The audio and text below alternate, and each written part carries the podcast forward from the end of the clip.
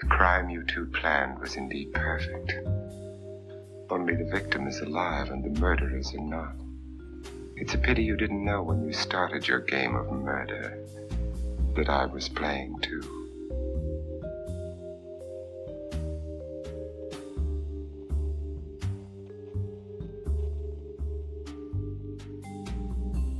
Stany Zjednoczone, rok 1906. Rok, w którym trzęsienie ziemi i pożar w San Francisco niszczy 75% miasta. Rok, w którym większość Amerykanów zarabia na życie z rolnictwa, ale miasta coraz chętniej oferują ludziom pracę w fabrykach, młynach i kopalniach. Rok, w którym Theodore Roosevelt za mediację w wojnie rosyjsko-japońskiej otrzymuje pokojową Nagrodę Nobla jako pierwszy Amerykanin w historii. W 1906 roku zostaje opatentowany pierwszy klimatyzator i pierwsza maszyna latająca, a swoją premierę ma pierwsza na świecie animowana kreskówka. 1906 to czas wielu zmian, które powoli popychały kraj w kierunku nadchodzącej dwudziestowiecznej nowoczesności. Elitom w miastach żyło się nad wyraz dostatnio. Mogły korzystać z dobrodziejstw takich jak dostęp do edukacji, kultury, europejskie podróże, luksusowe kamienice, zakup antyków i wiele mniej lub bardziej niezbędnych dodatków do życia. Mówię o tym wszystkim nie bez powodu. Dzisiejsza historia dzieje się właśnie wśród takiej elity, a konkretnie nowojorskiej elity. Gdyby przyszło ci żyć w 1906 roku w Nowym Jorku i byłbyś białym mężczyzną i miałbyś pieniądze, najlepiej duże pieniądze, a najlepiej jeszcze odziedziczone pieniądze, to mógłbyś robić właściwie wszystko. Mógłbyś opłacić sobie studia na Harvardzie, złamać prawo i przekupić policję. Mógłbyś nawet zabić. Dzisiejsza sprawa, ale też cały proces, o którym opowiem, z miejsca został okrzyknięty mianem procesu stulecia. Nic wcześniej i nic długo później nie poruszyło Amerykanów do takiej czerwoności jak ta historia.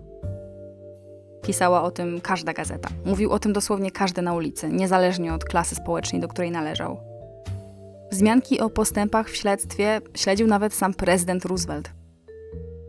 I co najlepsze, właściwie wszyscy ci ludzie popierali mordercę.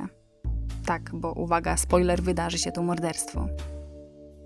To będzie opowieść o fałszywych strażnikach moralności, o wykorzystywaniu przywilejów, o władzy, ogromnych pieniądzach, zazdrości, szaleństwie i zwykłej ludzkiej naiwności. To jedna z tych historii, w których wiemy kto, wiemy co, wiemy komu i teoretycznie wiemy nawet dlaczego, ale coś, coś tu cały czas nie pasuje. No to nie przedłużając, zaczynajmy.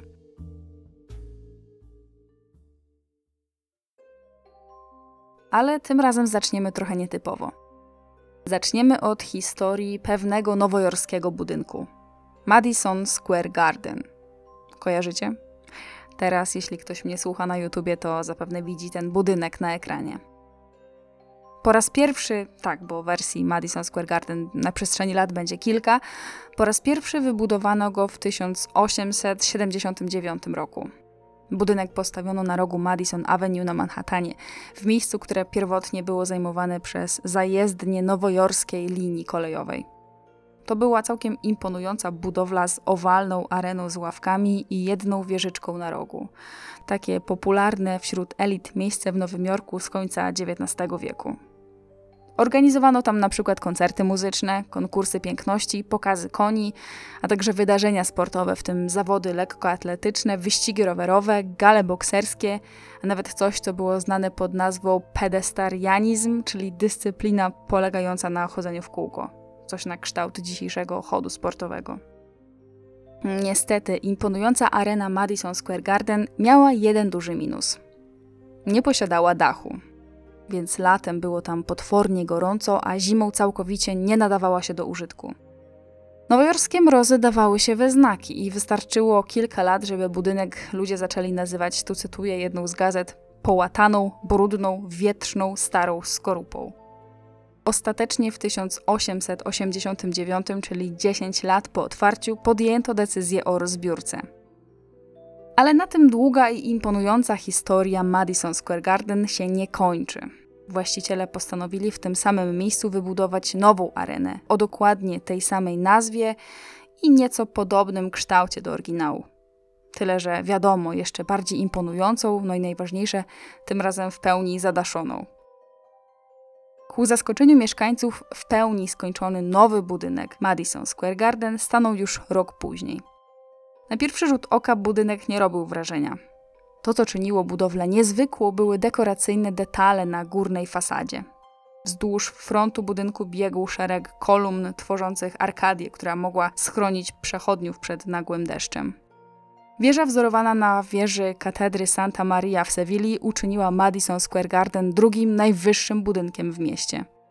Samą wieżę wieńczył ponad pięciometrowy posąg rzymskiej bogini Diany strzelającej z łuku.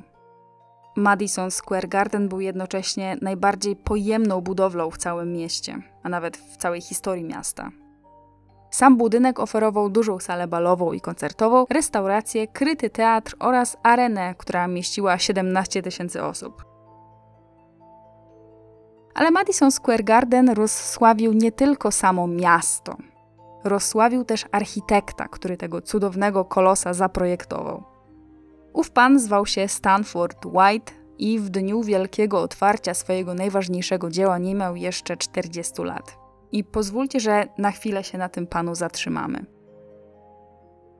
Stanford White był rodzimym nowojorczykiem, syna Richarda Granta White'a, który był krytykiem literackim, znawcą szekspirowskim, dziennikarzem i prawnikiem. Stanford nigdy nie zdobył formalnego wykształcenia z architektury. Ojciec, chociaż był wybitnym umysłem, to nigdy nie dorobił się fortuny. Jedna z książek zgrabnie opisała dzieciństwo Stanforda jako, tu cytuję, życie w eleganckim ubóstwie. Rodzina, chociaż na pokaz bogata, nie miała pieniędzy, by wysłać swoich synów na studia.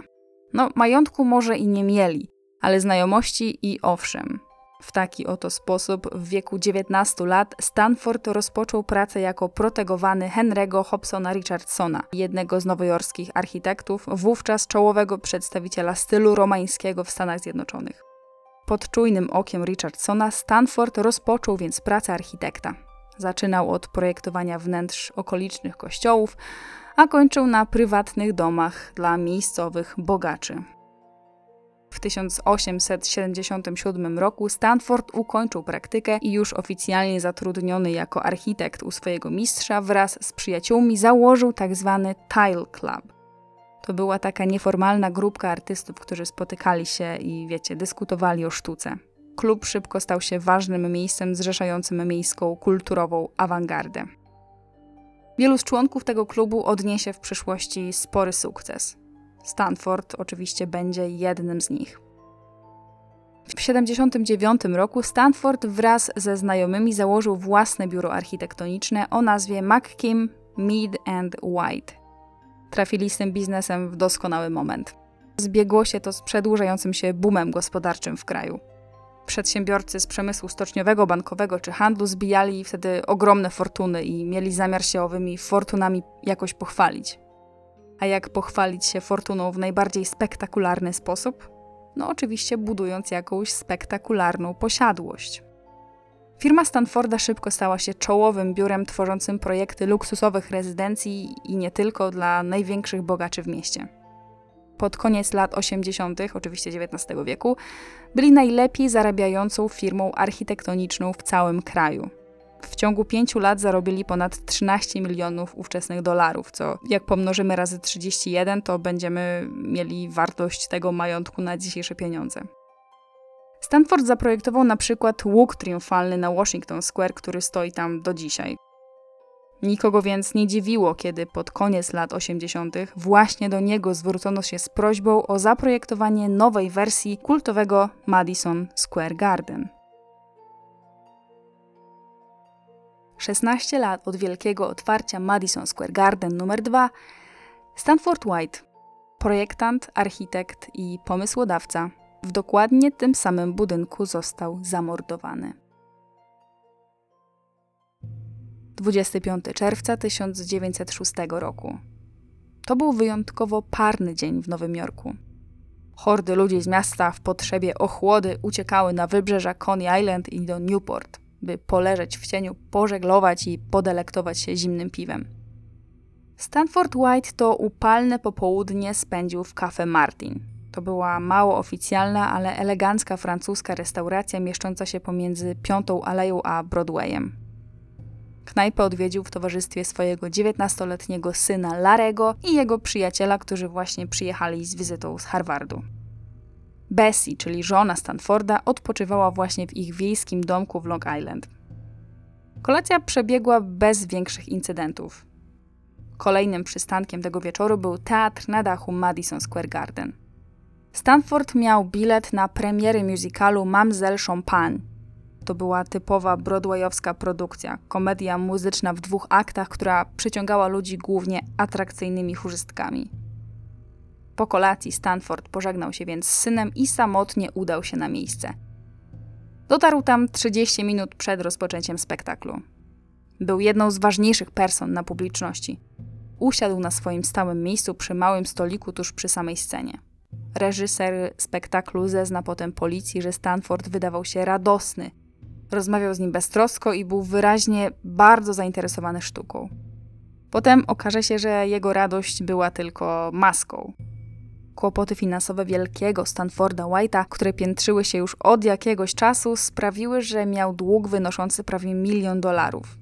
Nikt nie wiedział, że od dawna pożycza spore sumy pieniędzy od znajomych. Nikt nie wiedział, że jakiś czas temu jego partnerzy usunęli go z firmy. Nikt nie wiedział, że Madison Square Garden, w którym był udziałowcem, rzadko przynosi zyski. No i najważniejsze, nikt poza nim samym i kilkoma najbliższymi przyjaciółmi nie wiedział, że od dawna za Stanfordem podążają prywatni detektywy, którzy śledzili każdy jego krok. Stanford wiedział, że człowiek, który zatrudnił detektywów, był szalony, ale zlekceważył zagrożenie. A no, nie powinien. 25 czerwca 1906 roku Stanford White znów założył swoją maskę uśmiechniętego, zadowolonego z życia faceta i rozkoszował się komedią. Sztuka nie okazała się do końca udana, bo tuż przed 11, jeszcze zanim spektakl się zakończył, to spora część widzów zaczęła wstawać i kierować się w stronę wind. Ale Stanfordowi się najwyraźniej podobało bo jego przedstawienie tak pochłonęło, że nawet nie zauważył, kiedy ktoś podszedł do niego od tyłu. Jak to będzie potem opisywała prasa, wysoki, ciemnowłosy mężczyzna o młodzieńczej twarzy, ubrany w czarny smoking, bez ostrzeżenia wycelował broń i strzelił do Stanforda z odległości ponad pół metra. Tak po prostu, bez żadnego ostrzeżenia, na oczach setek świadków. Podczas trwającego przedstawienia. Pierwszy pocisk trafił go w ramię. Stanford White osunął się na krześle i przewrócił kieliszek, który roztrzaskał się na posadzce. Drugi strzał otrzymał prosto w twarz, tuż pod lewym okiem. Trzeci trafił go w nos, rozbił przednie zęby i złamał szczękę. 52-letni Stanford White zmarł od razu, kompletnie zaskoczony i nieświadomy tego, co się właściwie stało. Aktorzy na scenie znieruchomieli. Większość publiki, która siedziała, była przekonana, że wystrzał jest częścią występu i bawiła się doskonale. Ale reżyser sztuki i późniejszy świadek morderstwa wykrzyknął z zakulis, żeby zespół nie przestawał grać. Najwyraźniej ostatnie, z czym chciał mieć teraz do czynienia, to spanikowana publiczność, która próbuje się wydostać do wind. Tymczasem napastnik uniósł rękę z pistoletem nad głowę, jak gdyby chciał zasugerować, że nie ma zamiaru już nikogo skrzywdzić. Według niektórych relacji miał krzyknąć do tłumu, tu cytuję: Zrobiłem to, bo zrujnował moją żonę. Według innych relacji nie powiedział nic. Jakaby nie była tutaj prawda, to po chwili oszołomienia, jak gdyby nigdy nic się nie stało, mężczyzna po prostu ruszył środkowym przejściem w kierunku tyłu teatru. I dopiero chyba wtedy publiczność tak naprawdę zdała sobie sprawę z tego, co się tam właściwie wydarzyło. Ludzie rzucili się do windy, niektórzy się chowali po kątach, inni zbliżyli się do balustrady tarasu, jak gdyby chcieli skoczyć z dachu. Mężczyźni krzyczeli, kobiety mdlały, kelnerzy to wszystko próbowali jakoś uspokoić, a to wszystko jeszcze na dodatek próbowała zagłuszyć orkiestra jakimś nerwowym brzdąkaniem. No wyobrażam sobie, że to był jakiś koszmar. W całej tej panice ciemnowłosy mężczyzna wtopił się w tłum. Złapał go w końcu jakiś umundurowany strażak. Ku jego zaskoczeniu napastnik współpracował. Właściwie bez żadnego oporu po prostu oddał mu broń i pozwolił się eskortować do windy. jadąc na dół, mężczyzna nadzwyczajnie spokojny powtórzył jeszcze raz. Zrobiłem to, ponieważ zrujnował moją żonę. Na parterze do tego mężczyzny miała podbiec młoda, czarnowłosa kobieta. Według jednej z relacji miała do niego krzyknąć, tu cytuję: Mój Boże, Harry, co ty zrobiłeś? Ale owy Harry tylko się uśmiechnął, pocałował ją w czoło i powiedział, tu znów cytuję jedną z relacji: W porządku, kochanie, prawdopodobnie uratowałem ci życie. Napastnik o imieniu Harry okazał się być Harrym Thowem. Kim był Harry Thow? Harry urodził się w 1871 roku i w chwili popełnienia zbrodni miał 35 lat. Zgodnie z tym, co sugerował jego bardzo elegancki strój, Harry Thow był milionerem. A mówiąc konkretniej, był spadkobiercą wielomilionowej fortuny. Jego ojciec, William Thow senior, był baronem przemysłu węglowego i kolejowego. Harry urodził się w wielodzietnej rodzinie. Miał czwórkę rodzeństwa biologicznego i piątkę rodzeństwa przyrodniego. Ale nawet pomimo tak dużej liczby dzieci, to na każdego z nich przypadała spora część ogromnej fortuny rodzinnej. Harry całe dzieciństwo spędził w prywatnych szkołach, a potem rozpoczął studia prawnicze na uniwersytecie w rodzinnym Pittsburghu. Kilka lat później, wykorzystując swój status i majątek, Harry Thow przeniósł się na Harvard. Kiedy miał 22 lata, jego ojciec zmarł i zostawił mu 3 miliony dolarów spadku. Na dzisiejsze daje to prawie 94 miliony dolarów. Jakby tego było jeszcze za mało, to Harry otrzymał od matki zasiłek wynoszący 80 tysięcy dolarów miesięcznie. Bo kolejowy biznes oczywiście cały czas przynosił rodzinie spore dochody. Po śmierci ojca i wyrzuceniu z Harvardu, Harry udał się w szaloną podróż do Europy. Takie podróże po Londynie, Paryżu czy Rzymie były bardzo popularne wśród zamożnych Amerykanów, szczególnie tych zainteresowanych sztuką czy architekturą. Europa poza zabytkami miała większe zasoby kulturowe niż Ameryka. Harry miał właściwie tyle pieniędzy, że nie musiał pracować do końca życia. Nie musiał się martwić też zdobywaniem dyplomu, a studia prawnicze miały mu właściwie dać reputację i prestiż, a nie drogę do zarobków. Po powrocie do kraju krążył pomiędzy Nowym Jorkiem a Pensylwanią i robił wszystko, żeby dostać się do jednego z elitarnych męskich klubów towarzyskich. No ale niestety mu się to nie udawało. Z jakiegoś powodu nowojorska elita nie była zainteresowana przyjaźnią z Harrym Towem. To właśnie wtedy poznał Stanforda White'a. I co ważne, White był w mieście jednym z najbardziej szanowanych jegomości i był jednym z najbardziej szanowanych członków tych nowojorskich klubów. Harry Thow, jak na bogatego dżentelmena przystało, uczestniczył w życiu kulturowym miasta. A z tego życia kulturowego szczególnie upodobał sobie teatr. W 1901 roku pojawił się na widowni show zatytułowanego The Wild Rose. I wtedy poznał ją przez duże J. Jedną z chórzystek spektaklu była przepiękna czarnowłosa Evelyn Nesbit. To była, przynajmniej tak twierdził i przynajmniej z jego strony, miłość od pierwszego wejrzenia. Tak oszalał na punkcie urody młodej chórzystki, że wybrał się na ten spektakl ponad 40 razy w ciągu jednego roku. Evelyn była popularną modelką, która pozowała dla nowojorskich artystów i fotografów.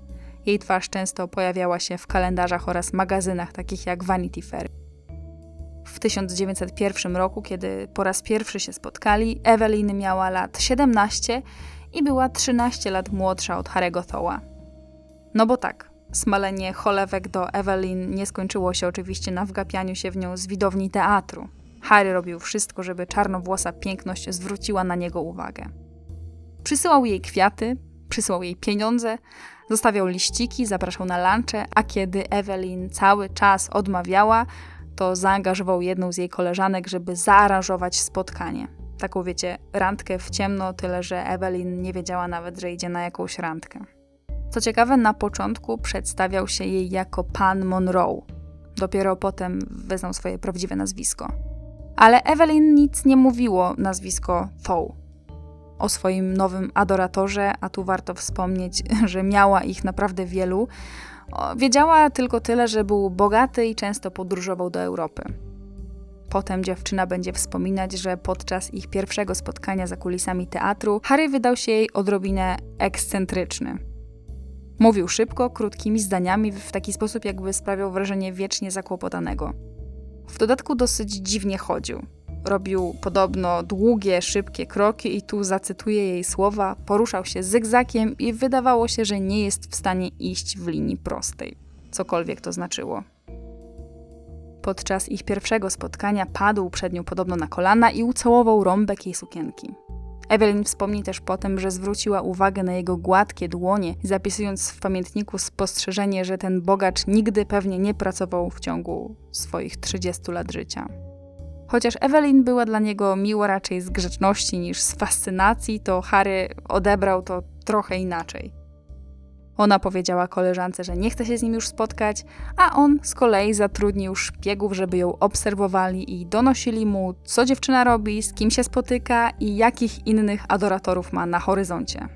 Odwiedził nawet jej matkę, ale to spotkanie no, nie przebiegło raczej po jego myśli. W swoich wspomnieniach napisał konkretnie: Nie była entuzjastyczna. Tydzień później, niczego nie podejrzewająca Evelyn została zaproszona na kolację przez znajomą aktorkę. No i dziwnym trafem jednym z gości imprezy przypadkowo był Harry Thaw.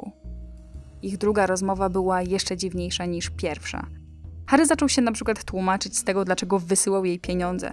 Powiedział, że usłyszał gdzieś podobno, że kariera dziewczyny jest niepewna finansowo i postanowił ją wesprzeć. Chociaż Evelyn na początku się trochę opierała, no to w końcu się dała przekonać. Ten ekscentryczny milioner nawet ją rozbawił, ujmującą szczerością, jak opowiadał, że rzeczywiście, no w sumie to nigdy nie pracował, a wszystko, co ma, zawdzięcza ojcu. Ale jednocześnie wydawał się jej bardzo fascynującą postacią. Opowiadał jej o wakacjach w Europie, jak odwiedzał paryskie wystawy, albo leciał balonem, albo uprawiał wspinaczkę górską w bawarskich wyżynach, albo jak był na wyścigach konnych organizowanych przez brytyjską rodzinę królewską. Trudno, żeby takie historie nie robiły wrażenia na dziewczynie, która najdalej w swoim życiu podróżowała z Nowego Jorku do Pittsburgha. Co prawda kilka osób, w tym jej własna matka, ostrzegły dziewczynę, że Harry Tow znany jest plotkarskiej prasie jako bawidamek, snob, wieczny student i fan trwonienia majątków pokera, a z Harvardu został wydalony za, tutaj cytuję, niemoralne praktyki, no ale co z tego? Harry stale pisał do niej długie listy i wysyłał prezenty. Matka Evelyn, pani Florence Nesbit, robiła co mogła, żeby ograniczyć interakcję córki z adoratorem ale Evelyn nie słuchała. Evelyn zaczęła coraz chętniej odpowiadać na jego próby nawiązywania kontaktu. Był tylko jeden problem. Evelyn już niedługo miała się udać do szkoły do New Jersey. Tuż przed jej wyjazdem Harry przyszedł więc do jej domu i zaproponował małżeństwo. Chociaż dziewczyna go lubiła, a przynajmniej tak on to odbierał, to odrzuciła propozycję. No i wyjechała w październiku 1902 roku. Być może ktoś inny by odpuścił, ale nie Harry. On cały czas do niej pisał, wysyłał prezenty, pytał o naukę i o to, jak się czuje w nowym miejscu. Pod koniec kwietnia 1903 roku Harry niespodziewanie otrzymał telefon od matki Evelyn. Poinformowała go, że Evelyn dostała ataku wyrostka robaczkowego i jest z nią bardzo źle. Godzinę później Harry już wiózł Evelyn do najlepszego chirurga, jakiego znał w Nowy Jork. Okazało się, że jej wyrostek był bliski pęknięcia, a ona w każdej chwili mogła umrzeć. No, gdyby nie interwencja Harego, to dziewczyna najpewniej by tego nie przeżyła. Wkrótce po operacji pani Nesbit, czyli matka Evelyn, zgodziła się, że jej córka nie powinna wracać do szkoły. O powrocie na deski teatru tym bardziej nie było mowy. Lekarz ostrzegł dziewczynę, że jeden nieostrożny ruch, a Evelyn może dostać poważnej infekcji. Taniec na scenie był kategorycznie zabroniony przez co najmniej rok. Harry oczywiście nieśmiało zasugerował pani Nesbit, że może warto ten czas rekonwalescencji jakoś pożytecznie wykorzystać. Jak? Ano na przykład może na podróż do Anglii.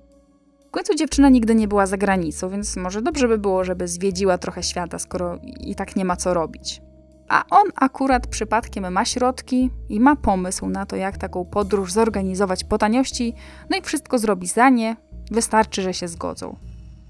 Oczywiście Harry, przynajmniej tak powiedział pani Nesbit, nie planował płynąć z nimi. W podróż miały się udać tylko matka i córka.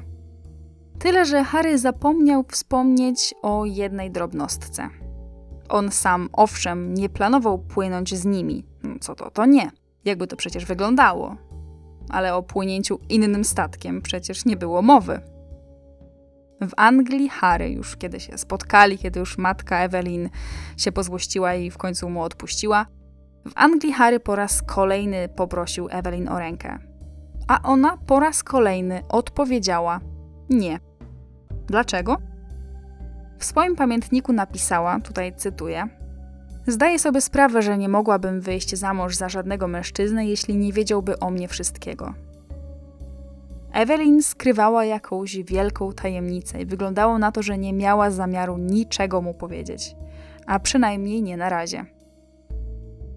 Tyle, że Evelyn nie miała pojęcia o tym, że Harry kilka miesięcy wcześniej wynajął dziesiątki detektywów i informatorów, którzy przez miesiące przetrzepywali jej życiorys wzdłuż i wszerz. Jeśli miała jakieś tajemnice, no to on raczej o nich wiedział. Domyślał się więc, że powodem, przez który Evelyn nie chce za niego wyjść, jest jej niejasna relacja z 50-letnim architektem Stanfordem White'em. Harry dowiedział się, że matka Evelyn jest z tym Stanfordem White'em blisko. I wiedział, że Stanford White utrzymuje zarówno matkę, zarówno córkę, jak i młodszego brata Evelyn. Harry wiedział, że Evelyn jest widywana na kolacjach z White'em, że plotkuje się o ich rzekomym romansie, że White jest regularnym gościem w ich domu, a raczej w hotelu, bo mieszkały w hotelu. Ba, sam Stanford White im ten hotel opłacał z jakiegoś niewiadomego powodu. Co więcej, Harry miał świadomość tego, że najprawdopodobniej Stanford White zna wiele szczegółów relacji Harego z Evelyn. Kto wie, no być może sam odwodził dziewczynę od ślubu z Harrym? Harry był pewien, że architekt Stanford White chce Evelyn zachować dla siebie. Po co? No, tego Harry mógł się jedynie domyślać. Ale wróćmy do wycieczki do Anglii. Wystarczyło mu właściwie kilka tygodni, żeby matka Evelyn poczuła się tam jak piąte koło uwozu. Evelyn i Harry spędzali całe dnie we dwoje, a to szlajając się po restauracjach, a to zwiedzając zabytki i okoliczne teatry, a to wpadając na wyścigi konne czy przyjęcia tamtejszej elity. Matka Evelyn zaczęła pisać listy do White'a i skarżyć się na tempo wycieczki, bo Anglia szybko poszerzyła się o Francję, a przecież jej córka miała odpoczywać, a nie całe dnie spędzać poza domem. Nie zapominajmy też, że podróżowanie w tamtych czasach było znacznie bardziej czasochłonne i męczące niż dzisiaj. Przemieszczanie się między krajami wymagało pływania statkami i jeżdżenia pociągami. Do tego umówmy się, w tym przypadku dochodził jeszcze cały tłum tragarzy ich walizek, tłumaczy i pokojówek, wszystkich ludzi, którzy zajmowali się organizacją całego przedsięwzięcia. Po którejś takiej podróży Harry zasugerował, że skoro matka Evelyn jest taka wielce zmęczona, no to może wróci do Nowego Jorku, na przykład sama. No i co? No i się udało. Harry i Evelyn dalszą podróż kontynuowali we dwoje. To znaczy, no, pomijając służbę.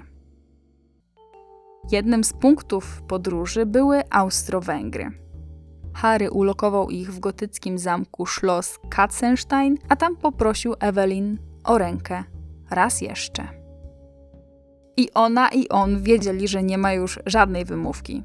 Są razem od kilku miesięcy. Ona jest wolna, on jest wolny, ona jest piękna, on ma pieniądze, lubią się. Nie mają, przynajmniej teoretycznie, nikogo więcej. No więc co stoi na przeszkodzie? No Harry wiedział co, a raczej kto stał na przeszkodzie. Tej samej nocy w końcu Harry usłyszał od Evelyn wszystko to, co już dawno podejrzewał. W końcu opowiedziała mu o swojej relacji ze Stanfordem White'em. Ale zanim przejdziemy do relacji młodej Evelyn Nesbit z architektem Stanfordem White'em, zatrzymajmy się na chwilę na historii Evelyn. No bo żeby zrozumieć tę znajomość Evelyn ze Stanfordem White'em i żeby potem zrozumieć znajomość Evelyn z Harrym Tołem, musimy poznać kilka faktów z jej życia. A życia łatwego, no tak delikatnie rzecz ujmując, dziewczyna nie miała. Florence Evelyn Nesbit urodziła się 25 grudnia, najprawdopodobniej 1884 roku.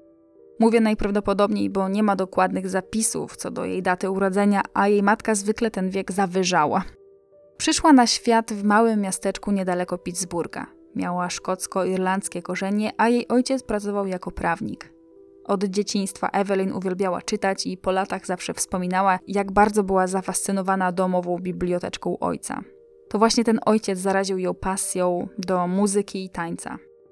Pierwsze lata dzieciństwa Evelyn spędziła w pełnej beztrosce, śpiewając w dziecięcym chórze, uczęszczając do szkółki niedzielnej i grając na pianinie. Była taką artystyczną duszą.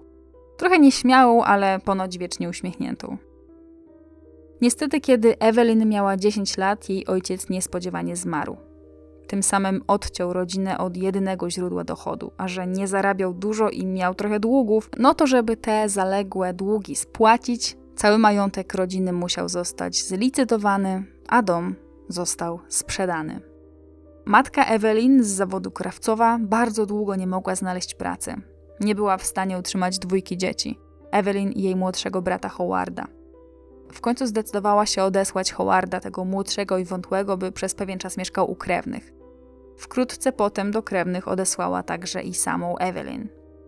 Tymczasem sama udała się do Filadelfii. W końcu dostała pracę jako sprzedawczyni w sklepie z tkaninami i ściągnęła do miasta dzieci. Ale pieniędzy cały czas nie wystarczało. Wiodło im się tak źle, że wkrótce do pracy wysłała także i dzieci. I tak oto 14-letnia Evelyn i jej 12-letni brat pracowali codziennie 12 godzin dziennie, 6 dni w tygodniu, żeby wspólnie utrzymać rodzinę. Tymczasem, jak wspominała potem Evelyn, jej matka, tutaj zacytuję, zamknęła się w melancholijnej ciszy. Dziewczyna bała się, że matka pewnego dnia po prostu zniknie bez słowa i zostaną z bratem całkowicie sami. Jedli tylko jeden posiłek dziennie, zazwyczaj kanapki z chleba i musztardy. Evelyn i jej brat zdali sobie sprawę z tego, że ich dawne marzenia o tym, że oboje pójdą do szkoły, jak życzył sobie tego ojciec, raczej mają marne szanse na realizację. Evelyn starała się czytać i uczyć, kiedy tylko miała na to czas. Marzyła o tym, żeby wyrwać się z biedy. No, ale nic nie wskazywało na to, że to kiedykolwiek nastąpi. Do czasu. Kiedy miała około 14 lat, przez witrynę sklepową wypatrzył ją młody dziennikarz. No trzeba przyznać, że już jako dziecko miała fascynującą urodę. Opisywano ją jako dziewczynę z porcelanową skórą i płachtą gęstych czarnych włosów. Tu pozwólcie, że zacytuję jedną z gazet, która potem będzie o niej opowiadać. Nie wydawała się ani dzieckiem, ani dorosłą, ale połączeniem tych obu. Wyglądała jak porcelanowa lalka. Wydawała się jednocześnie niedojrzała i świadoma. Zaintrygowany dziennikarz zapytał dziewczynę, czy nie chciałaby pozować do portretu jego znajomemu artyście. Matka Evelyn się zgodziła, ale tylko pod warunkiem, że owym artystą będzie kobieta. No i tak się stało. Przez pięć godzin pozowania do obrazu Evelyn zarobiła swojego pierwszego dolara. Dokładnie tak zaczęła się jej kariera modelki. Wkrótce potem młodą modelkę przedstawiono kolejnym artystom głównie kobietom i głównie studentkom. Malowały nie tylko jej portrety, ale wykorzystywały też jej twarz i ciało do malowania innych postaci, szczególnie aniołów. Po mieście dosyć szybko rozeszła się wieść o plastycznej, pięknej dziewczynie, która tu cytuję: Jednym spojrzeniem lub zmianą uczesania mogła grać rolę dojarki i nimfy, bogini i cyganki. Twarz Ewelin zaczęła już zdobić nie tylko dzieła sztuki, ale też drukowane opowiadania i okładki czasopism. Zanim jeszcze skończyła 15 lat, już miała stały dochód jako modelka. Oczywiście ku uciesze matki, która rzuciła pracę w sklepie i stała się kimś, kogo dzisiaj pewnie nazwalibyśmy jej menadżerką. Pozowanie do obrazów nie było łatwym zajęciem, szczególnie biorąc pod uwagę fakt, że Evelyn była nastolatką. Musiała długie godziny spędzać bez ruchu, siedząc u artystów często do późnej nocy. Pracowała tak dużo, że nie była w stanie ukończyć szkoły. W końcu matka znalazła rozwiązanie. Wpadła na pomysł, że przecież w tym samym czasie, kiedy Evelyn pracuje dla jednego artysty przez kilka godzin, no to może zapozować dla kilku czy nawet kilkudziesięciu fotografów. Znajomy fotograf zaaranżował jej więc spotkanie w swoim studiu fotograficznym. No i okazało się, że Evelyn przed obiektywem prezentuje się jeszcze lepiej. Piętnastoletnia Evelyn z miejsca stała się dosłownie fenomenem. Ale pani Nesbit szukała dalej. Oczywiście, pozując dla fotografów, udało jej się zarobić więcej, ale to oznaczało tylko jedno: że na pewno są sposoby na to, by na urodzie córki wyciągnąć jeszcze więcej. No, pomysł był oczywisty. Trzeba było się udać do Nowego Jorku. Tętniące życiem miasto, a szczególnie Manhattan, oferowało znacznie więcej niż jakiekolwiek inne miejsce w tej części kraju. Po 20 dniach spędzonych w Nowym Mieście, Evelyn miała już zaplanowaną pracę na kolejne miesiące. Jako modelka dla malarzy, fotografów, rzeźbiarzy i ilustratorów. Tą nową wschodzącą gwiazdą szybko zaczęła się interesować nowojorska prasa. Coraz częściej dziennikarze opisywali jej życie w gazetach, czyniąc z Evelyn kogoś w rodzaju dzisiejszych celebrytów, chociaż oczywiście wtedy tam to słowo nie istniało. Kiedy dziewczyna miała 15 lat, była już jedną z najlepiej rozchwytywanych, jeśli nie najbardziej rozchwytywaną modelką w mieście. Samodzielnie utrzymywała całą rodzinę. Matka oczywiście czuwała tam nad, nad biznesowym aspektem jej działalności. Najważniejsze, o czym trzeba było pamiętać, to żeby do wieku córki zawsze dodać dwa lata, tak żeby żadne pruderyjne panie czy dziennikarze z konserwatywnych pismaków nie czepiali się, że nieletnia, młoda dziewczyna pozuje do tak wyuzdanych i odważnych jak na ówczesne czasy portretów. Po pół roku mieszkania w Nowym Jorku, nastoletnią Evelyn Nesbit można było podziwiać we wszystkich największych galeriach w mieście, na nowojorskich pocztówkach, na okładkach czasopism i w reklamach towarów, od czekoladek przez papierosy i papierośnice, spinki, cygara, lusterka, maszyny do szycia, jakieś pierwsze formy sproszkowanej pasty do zębów, aż po użyczenie twarzy do talii kart jako dama kier. Jej wizerunek był dosłownie wszędzie. Nic dziwnego, że kolejka zakochanych adoratorów rosła.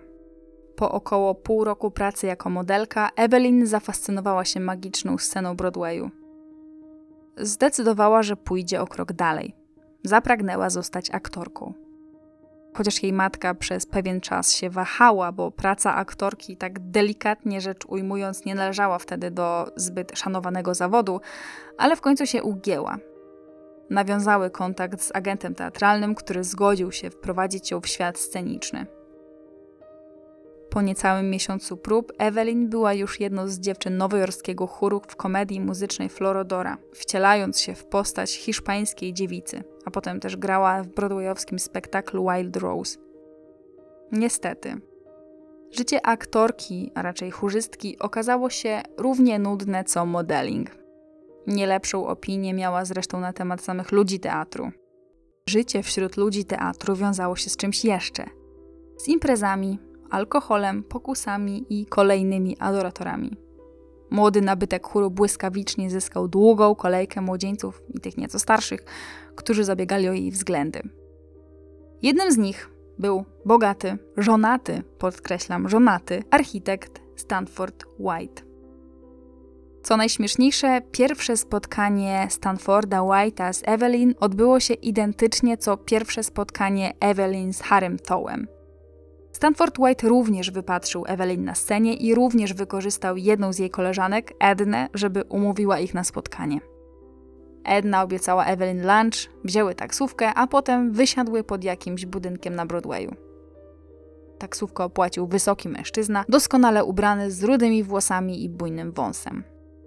Evelyn z gazet kojarzyła tylko tyle, że Stanford White jest architektem, ma 46 lat, jest kolekcjonerem dzieł sztuki i antyków oraz ma wielopiętrowe mieszkanie w samym sercu Manhattanu. Zjedli we trójkę obiad w ekskluzywnej restauracji. Evelyn zapisze w pamiętniku pod jak ogromnym wrażeniem była. Nie tylko wnętrza czy jedzenia, ale też tajemniczego pana White'a. Tego wieczoru wypiła swój pierwszy w życiu kieliszek prawdziwego szampana – Następnie mężczyzna zapytał dziewczyny, czy nie chciałyby przypadkiem zobaczyć gościnnych pokoi na górze. Zaprowadził je do jakiegoś przedziwnego pokoju. Pokój miał ściany pomalowane na zielono, Oświetlało go blade światło, a w środku pokoju zwisała z sufitu wielka huśtawka obita czerwonym aksamitem. Stanford White zachęcił Evelyn, żeby usiadła na huśtawce.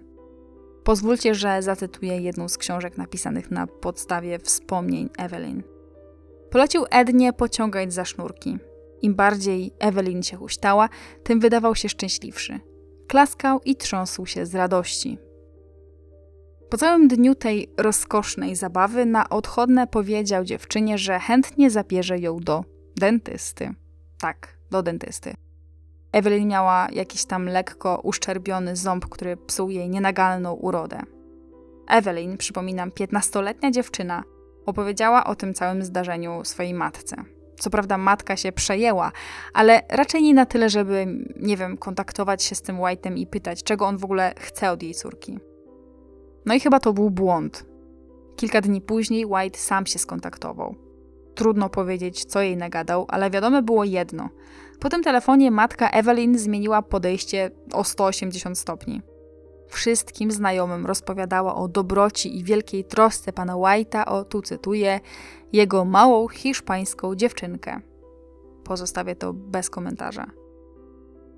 Kilka dni później White zaprosił Evelyn na drugie śniadanie. Tym razem już bez koleżanki. Matka nie miała absolutnie żadnych obiekcji. W swoich wspomnieniach Evelyn napisze potem tak. Stanford był kompendium wiedzy na wszystkie tematy, jakie przychodziły mi do głowy.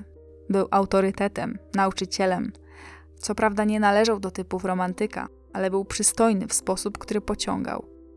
Był czarującym, kulturalnym dżentelmenem, którego magnetyzm zniweczył moje pierwsze wrażenia na jego temat. Wyszedł z niego wspaniały człowiek. Rozważny, słodki i miły, genialny rozmówca i całkiem ciekawy towarzysz. Zauroczona Evelyn traktowała go trochę jak adoratora, trochę jak przyjaciela, trochę jak sakiewkę z pieniędzmi, a trochę jak ojca. Nie wiadomo było i ona chyba sama nie wiedziała, o co w tej relacji do końca chodziło.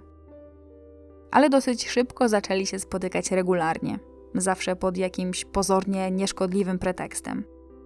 White często zapraszał ją na sesję huśtania na jego huśtawce, jakkolwiek to brzmi. Zabierał ją do restauracji, do teatru, do muzeów, oczywiście opłacił naprawę zęba.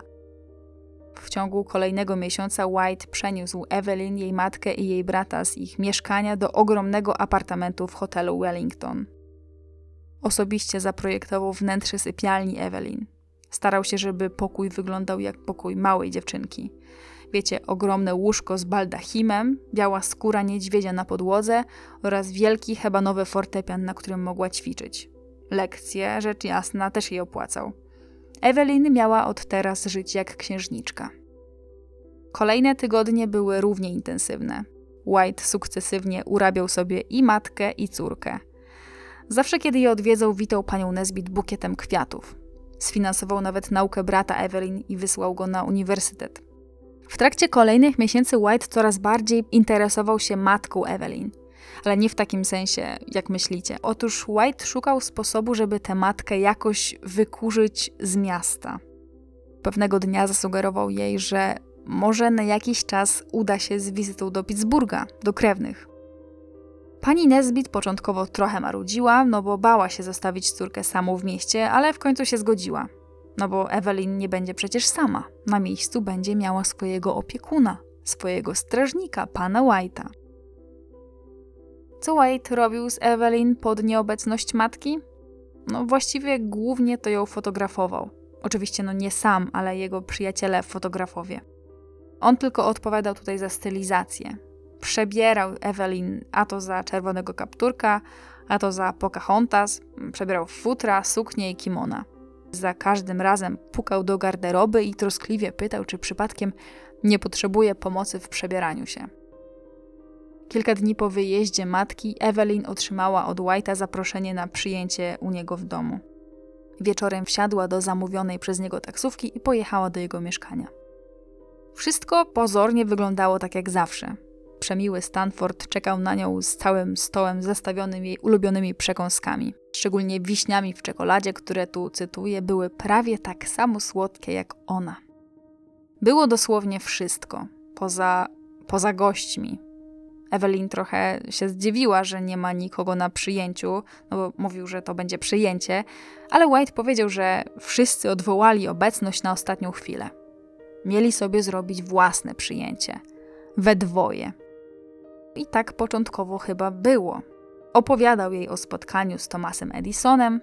Swoją drogą o Edisonie mam podcast, więc wszystkich zainteresowanych odsyłam do jego przesłuchania. Link zostawię w opisie. Pokazywał jej cyrkowe sztuczki, mówił o dziełach sztuki, jakie nagromadził, przygrywał w międzyczasie na fortepianie Beethovena i oczywiście poił szampanem. Sporą ilością szampana. Kiedy Evelyn oznajmiła, że chce wracać, to zmienił temat, tu zacytuję: Mam inny pokój, na górze, którego nie widziałaś. Okazało się, że to było małe studio na tyłach mieszkania, przepełnione antykami. Ściany i sufit w całości były pokryte lustrem. Na środku pomieszczenia stała ogromna kanapa, a na stoliku obok czekała na nich butelka szampana i jeden kieliszek. White nalał i podał dziewczynie.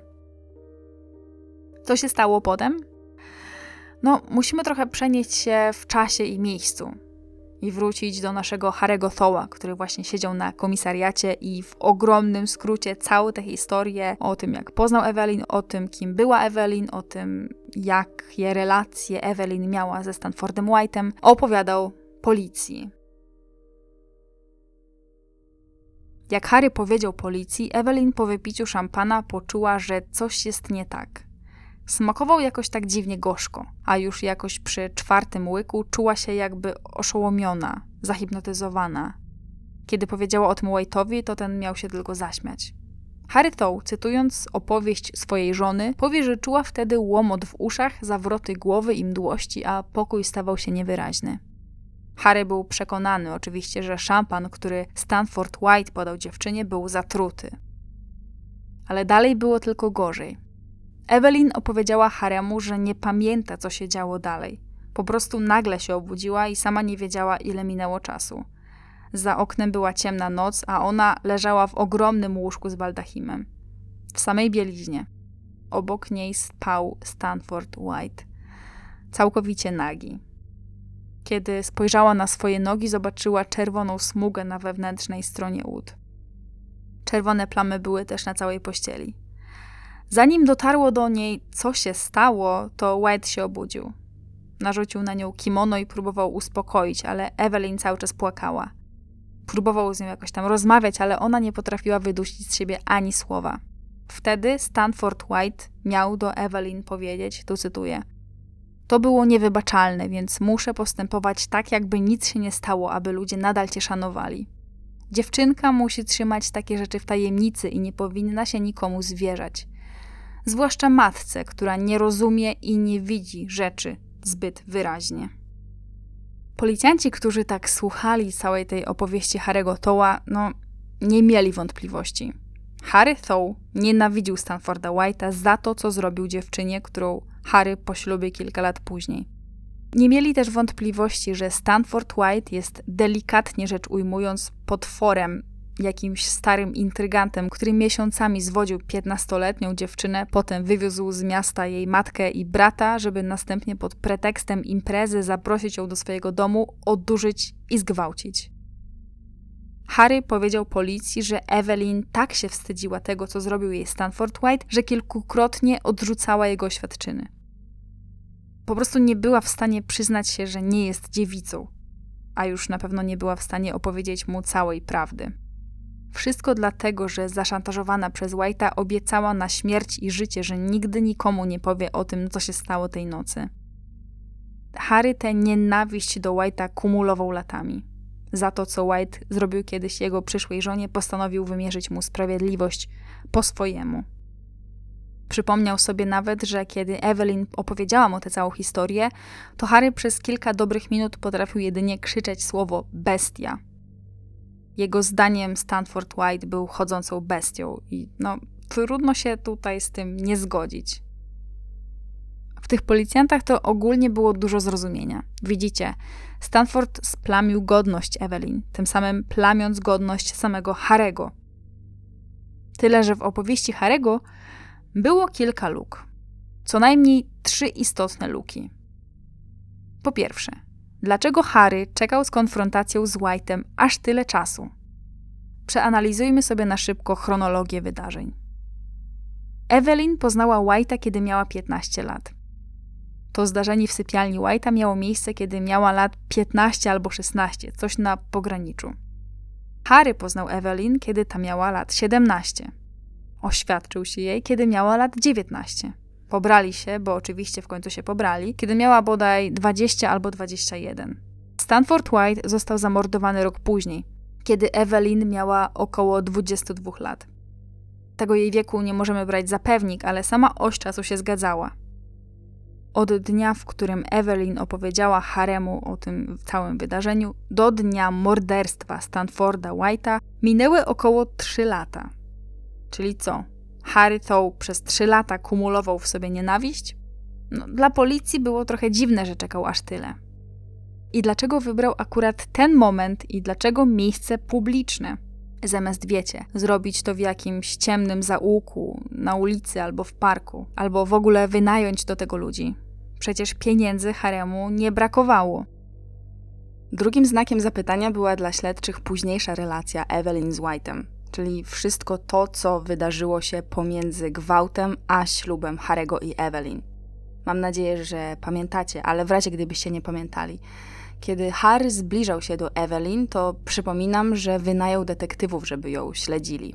Miał wtedy odkryć, że Stanford White cały czas kręci się wokół rodziny Evelyn i cały czas daje pieniądze Evelyn, a przecież to było już po nocy w jego mieszkaniu. Harry dowiedział się, że ta szkoła, do której wyjechała Evelyn, kiedy ona i Harry zaczęli się spotykać, była w całości sfinansowana właśnie przez nikogo innego jak właśnie White'a. Kiedy Evelyn trafiła do szpitala i miała tą operację na wyrostek, to White regularnie odwiedzał ją w tym szpitalu, na przemian z Harrym.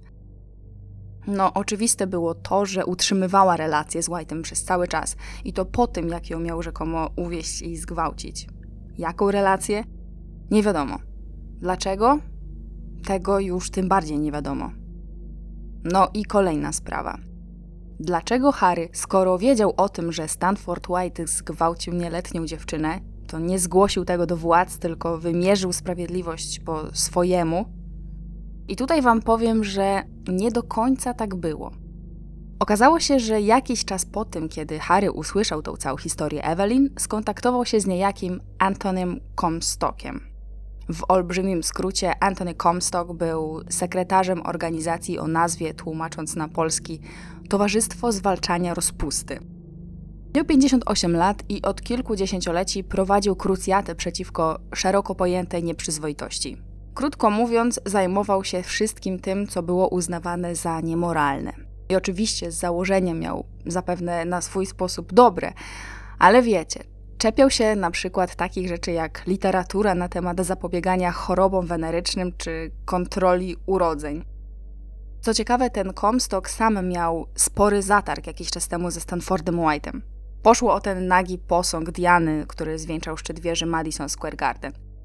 Te akurat batalie wygrał Stanford White, ale Comstock nie zamierzał na tym zakończyć. Wiecie, przegrał bitwę, ale wojnę nadal mógł wygrać.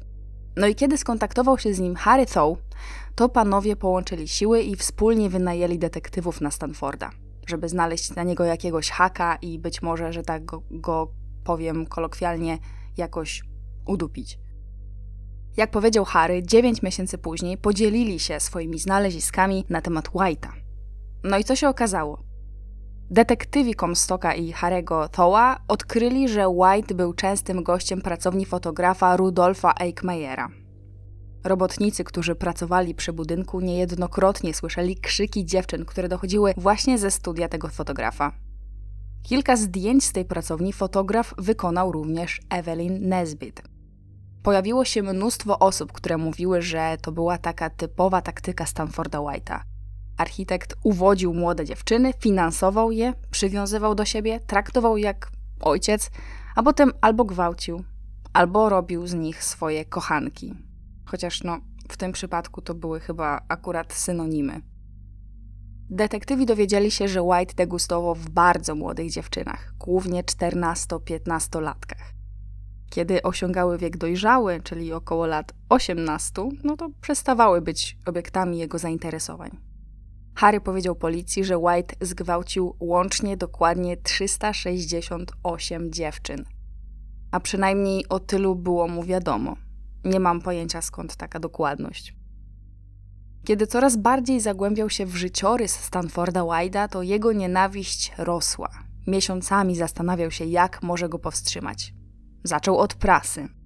W jednej z gazet oskarżył Stanforda o różne przestępstwa, w tym m.in. o pedofilię. Ale dziennikarze, szanując dorobek wielkiego architekta Stanforda White'a, zaczęli drwić z Harego i jego oświadczeń. A bez świadków to jego historyjki brzmiały raczej jak opowieści zwykłego zazdrośnika.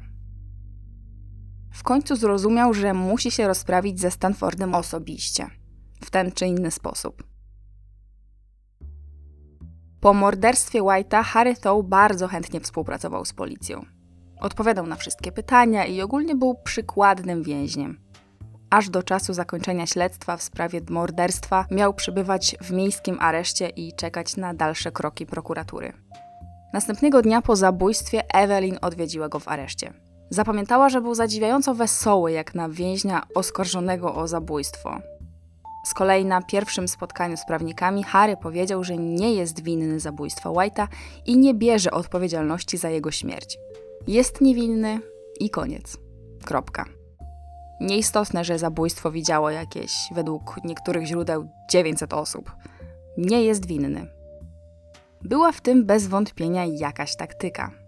Gazety właściwie jednogłośnie okrzyknęły Harego bohaterem. A Stanford White, do tej pory wielki szanowany pan architekt, z dnia na dzień stał się starym bogaczem, który wykorzystywał władzę i pieniądze, żeby zwabiać młode dziewczyny do swojego mieszkania, a potem je gwałcić. Kiedy do prasy przedostała się informacja, że powodem morderstwa była zemsta za zgwałcenie żony Harego kilka lat wcześniej, do gazet zgłosiły się kolejne dziewczyny. Wszystkie opowiadały, że to samo dotknęło także i je. Takie mitu w wersji z początków XX wieku. Ale to nie jest najlepsze.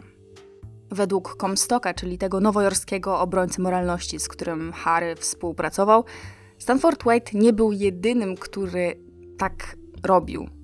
Według ustaleń jego detektywów, w Nowym Jorku działała jakaś tajna grupa zamożnych mężczyzn, która spotykała się razem na wspólnych kolacjach, zwożąc tam młode dziewczyny, często 15-letnie albo i młodsze. Ogłosił też prasie, że niejednokrotnie zgłaszał sprawę White'a prokuraturze, ale ci byli niechętni, żeby się temu przyjrzeć. Nikt nie chciał ruszać bogatych, wpływowych ludzi, nieważne jak okropne rzeczy robili. Sprawa morderstwa Stanforda White'a z miejsca stała się wydarzeniem, o którym mówił cały kraj, dosłownie. Niemal wszyscy obserwatorzy byli zgodni co do jednego. Trudno będzie znaleźć ławę przysięgłych, która miałaby sumienie, żeby uznać Harego Toła za winnego skoro zabił w obronie honoru swojej żony.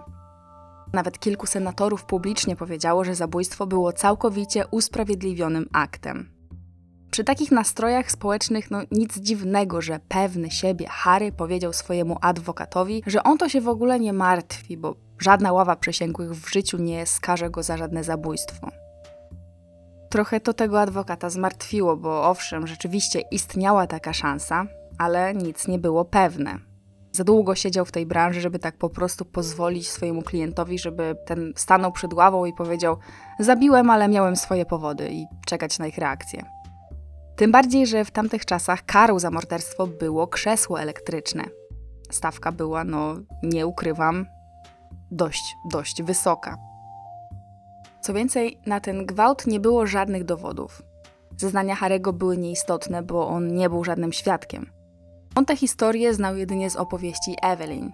Jedynym dowodem, na jakim rzeczywiście można by było oprzeć linię obrony, mogły być zeznania właśnie jej.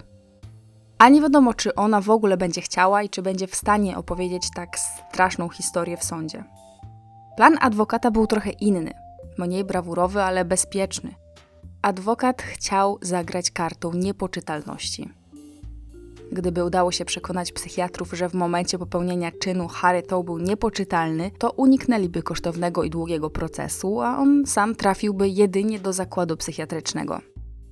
Po kilku latach mogliby potem oznajmić cudowne uzdrowienie i ubiegać się o zwolnienie ze szpitala.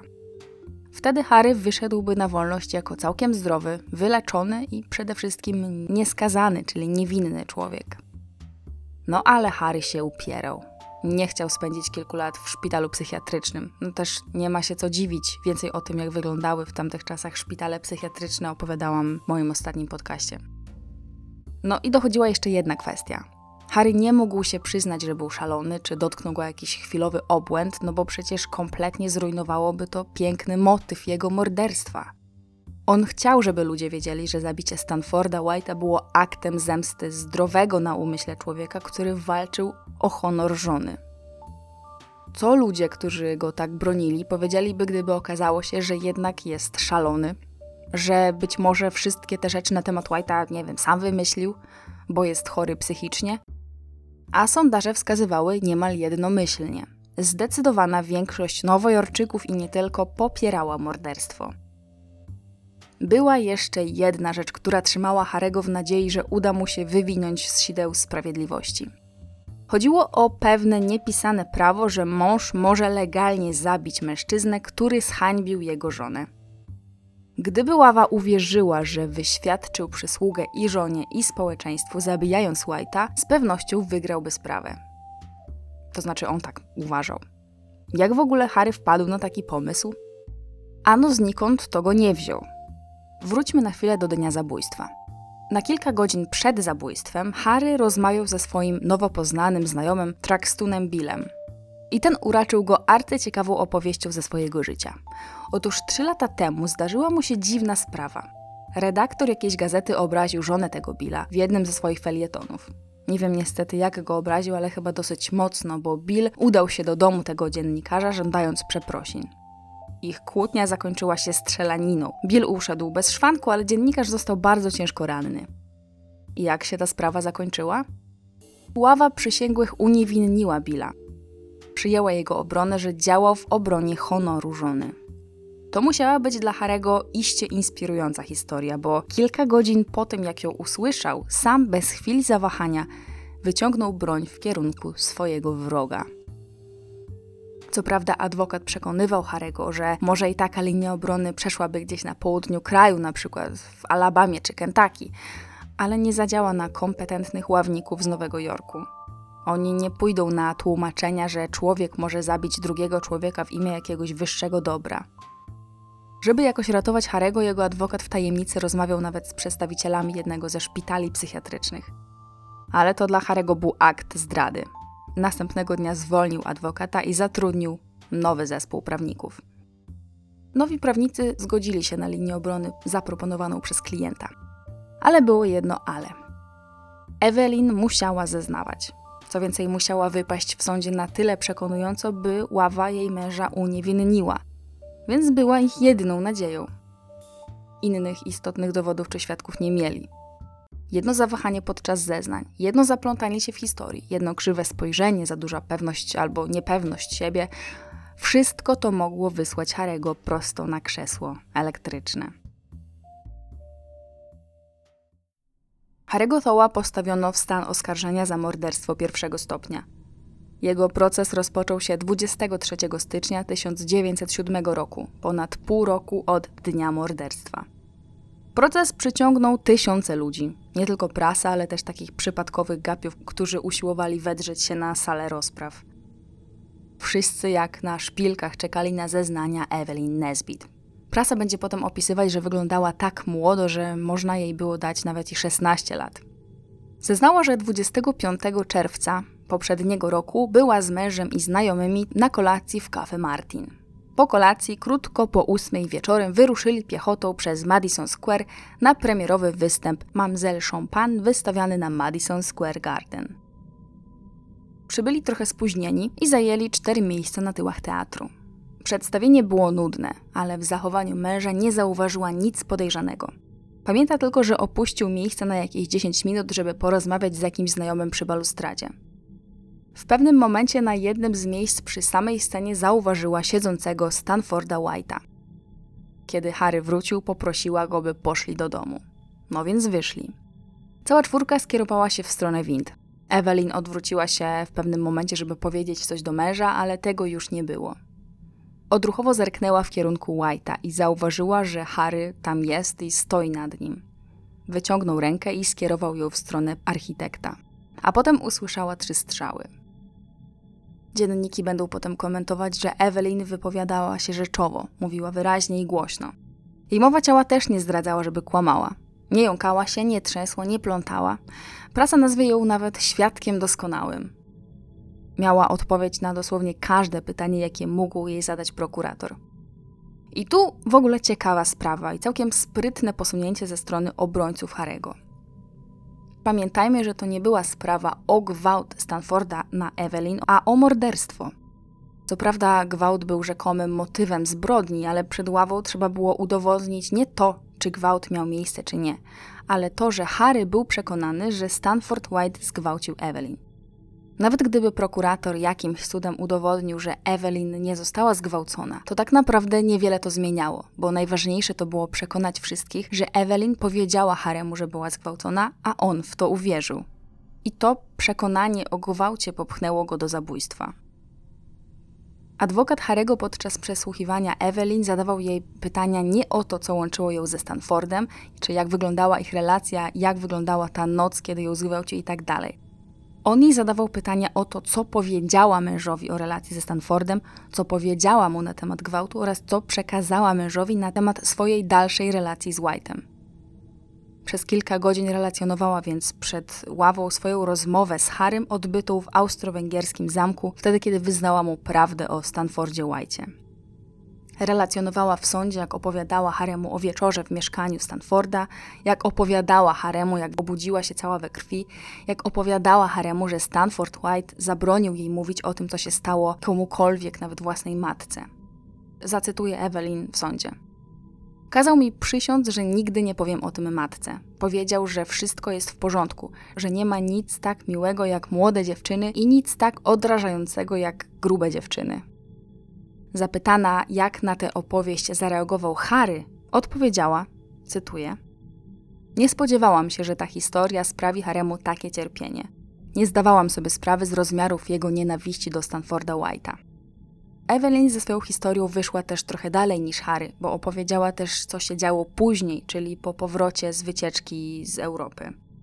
Według jej zeznań, po tym jak wrócili z Europy, Stanford White wielokrotnie próbował się z nią skontaktować. W końcu raz uległa i się spotkali. Powiedział jej wtedy, że bał się o jej bezpieczeństwo, kiedy była sam na sam z Harrym.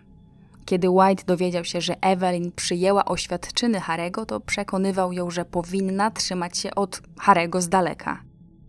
White zaczął jej opowiadać, że Harry jest narkomanem, że bije kobiety, że może ją skrzywdzić. O ironio, co? Błagał ją nawet, żeby porozmawiała z jego prawnikiem, Abrahamem Hamelem. No i co ciekawe, Evelyn spotkała się z tym Hamelem. Po co? Prawnik White'a chciał, żeby Evelyn podpisała dokument, w którym napisane było, że została przez Harego porwana do Europy wbrew woli matki i że była tam przez niego źle traktowana. Evelyn powiedziała w sądzie, że wszystko, co było w piśmie Hamela, było nieprawdą, a jej wyjazd do Europy był dobrowolny. Harry nigdy jej nie porwał, a jej matka przecież pojechała z nimi. Zeznała też, że opowiedziała Haremu o tym dziwnym spotkaniu z White'em i o tym dokumencie, który kazał jej podpisać prawnik White'a. Harry dopytywał ją, czy podpisała ten papier, ale ona powiedziała, że nie. Dla Harego stało się jasne. Stanford próbował po raz kolejny omamić Evelyn. Co to był dokładnie za dokument i dlaczego był tak ważny w tej sprawie, to opowiem za chwilę. Czekając na kolejne rozprawy, adwokaci Harego obmyślili kolejny plan – zlecą psychiatryczne zbadanie swojego klienta. Oczywiście wiedzieli, że jeśli nagle o tym powiedzą, to on się nie zgodzi, więc podeszli go sposobem. Przekonali Harego, że historia o gwałcie będzie silniejsza, jeśli dostarczą do sądu dowód na chwilową niepoczytalność. Traumatyczna opowieść Evelyn i nienawiść do jej oprawcy, jaką Harry gromadził latami, właśnie to miało go doprowadzić do szaleństwa. Chwilowego szaleństwa. Badający go niezależni psychiatrzy zgodzili się wspólnie, że Harry Tow był szalony w momencie, kiedy zabijał White'a. Ale Jego stan się poprawił i istniały powody, by sądzić, że jego niestabilność psychiczna była tymczasowa. Czyli oszalał na chwilę przed morderstwem, prawdopodobnie dlatego, że White'a zobaczył, a potem, kiedy już zabił, wszystko wróciło do normy. Na kolejnych spotkaniach nadal maglowano Evelyn. Do tego stopnia, że prokuratorowi udało się znaleźć w jej zeznaniach pierwszą nieścisłość. Według jej zeznań, White miał ją zgwałcić dzień po tym, jak po raz pierwszy pozowała dla fotografa Rudolfa Eichmeyera w jego studiu. Prokurator rozmawiał z Eichmeyerem i dotarł do jego księgi wizyt z roku 1901. Według danych z księgi, Evelyn po raz pierwszy odwiedziła studio fotografa w poniedziałek 4 listopada 1901 roku, czyli gwałt musiał mieć miejsce 5 listopada. Ale 5 listopada odbywały się wybory samorządowe, a Stanford White wraz z żoną tego wieczoru organizowali przyjęcie w jego domu. Miał alibi. Evelyn zaczęła się plątać, nie pamiętała dokładnej daty gwałtu, ani pogody tamtego dnia. Nie pamiętała niczego, co mogłoby pozwolić konkretniej określić, co to był za dzień. Ale to nie koniec. Prokurator pokazał Evelyn plik czeków. Wszystkie z nich były wysłane przez Evelyn i wystawione na konto White'a. Najstarsze z czeków datowane były na grudzień 1901, ostatnie na październik 1902. To oznaczało, że po rzekomym gwałcie Evelyn przez prawie rok otrzymywała czeki od White'a. Pozwólcie, że zacytuję teraz fragment jej zeznań. Kto dostarczał ci pieniądze? Stanford White. Jak długo po tym, kiedy Stanford White odurzył cię w swoim mieszkaniu, zaczęłaś otrzymywać pieniądze? Evelyn nie pamiętała.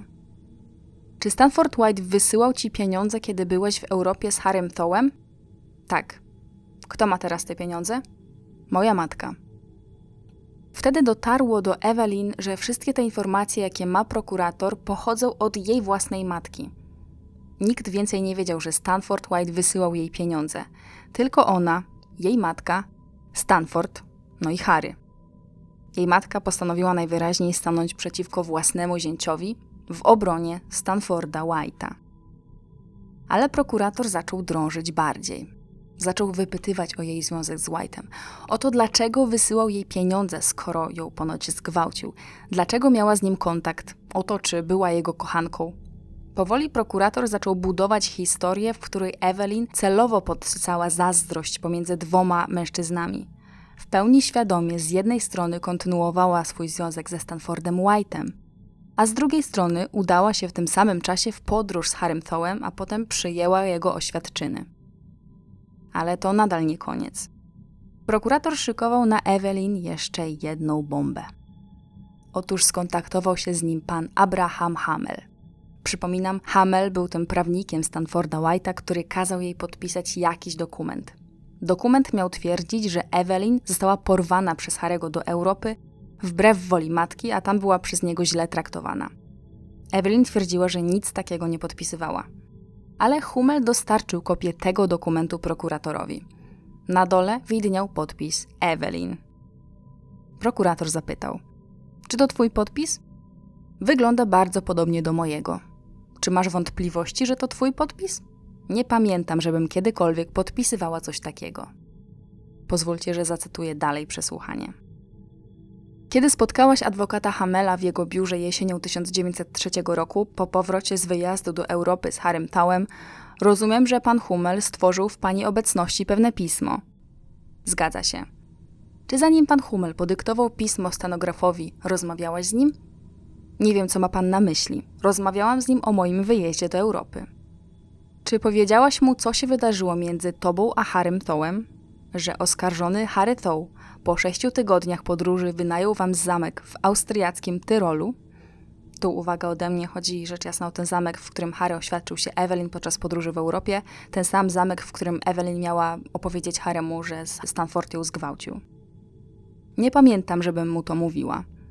Czy powiedziałaś Hamelowi, że pierwszej nocy spędzonej w zamku byłaś bardzo zmęczona i poszłaś spać zaraz po kolacji? Nie pamiętam.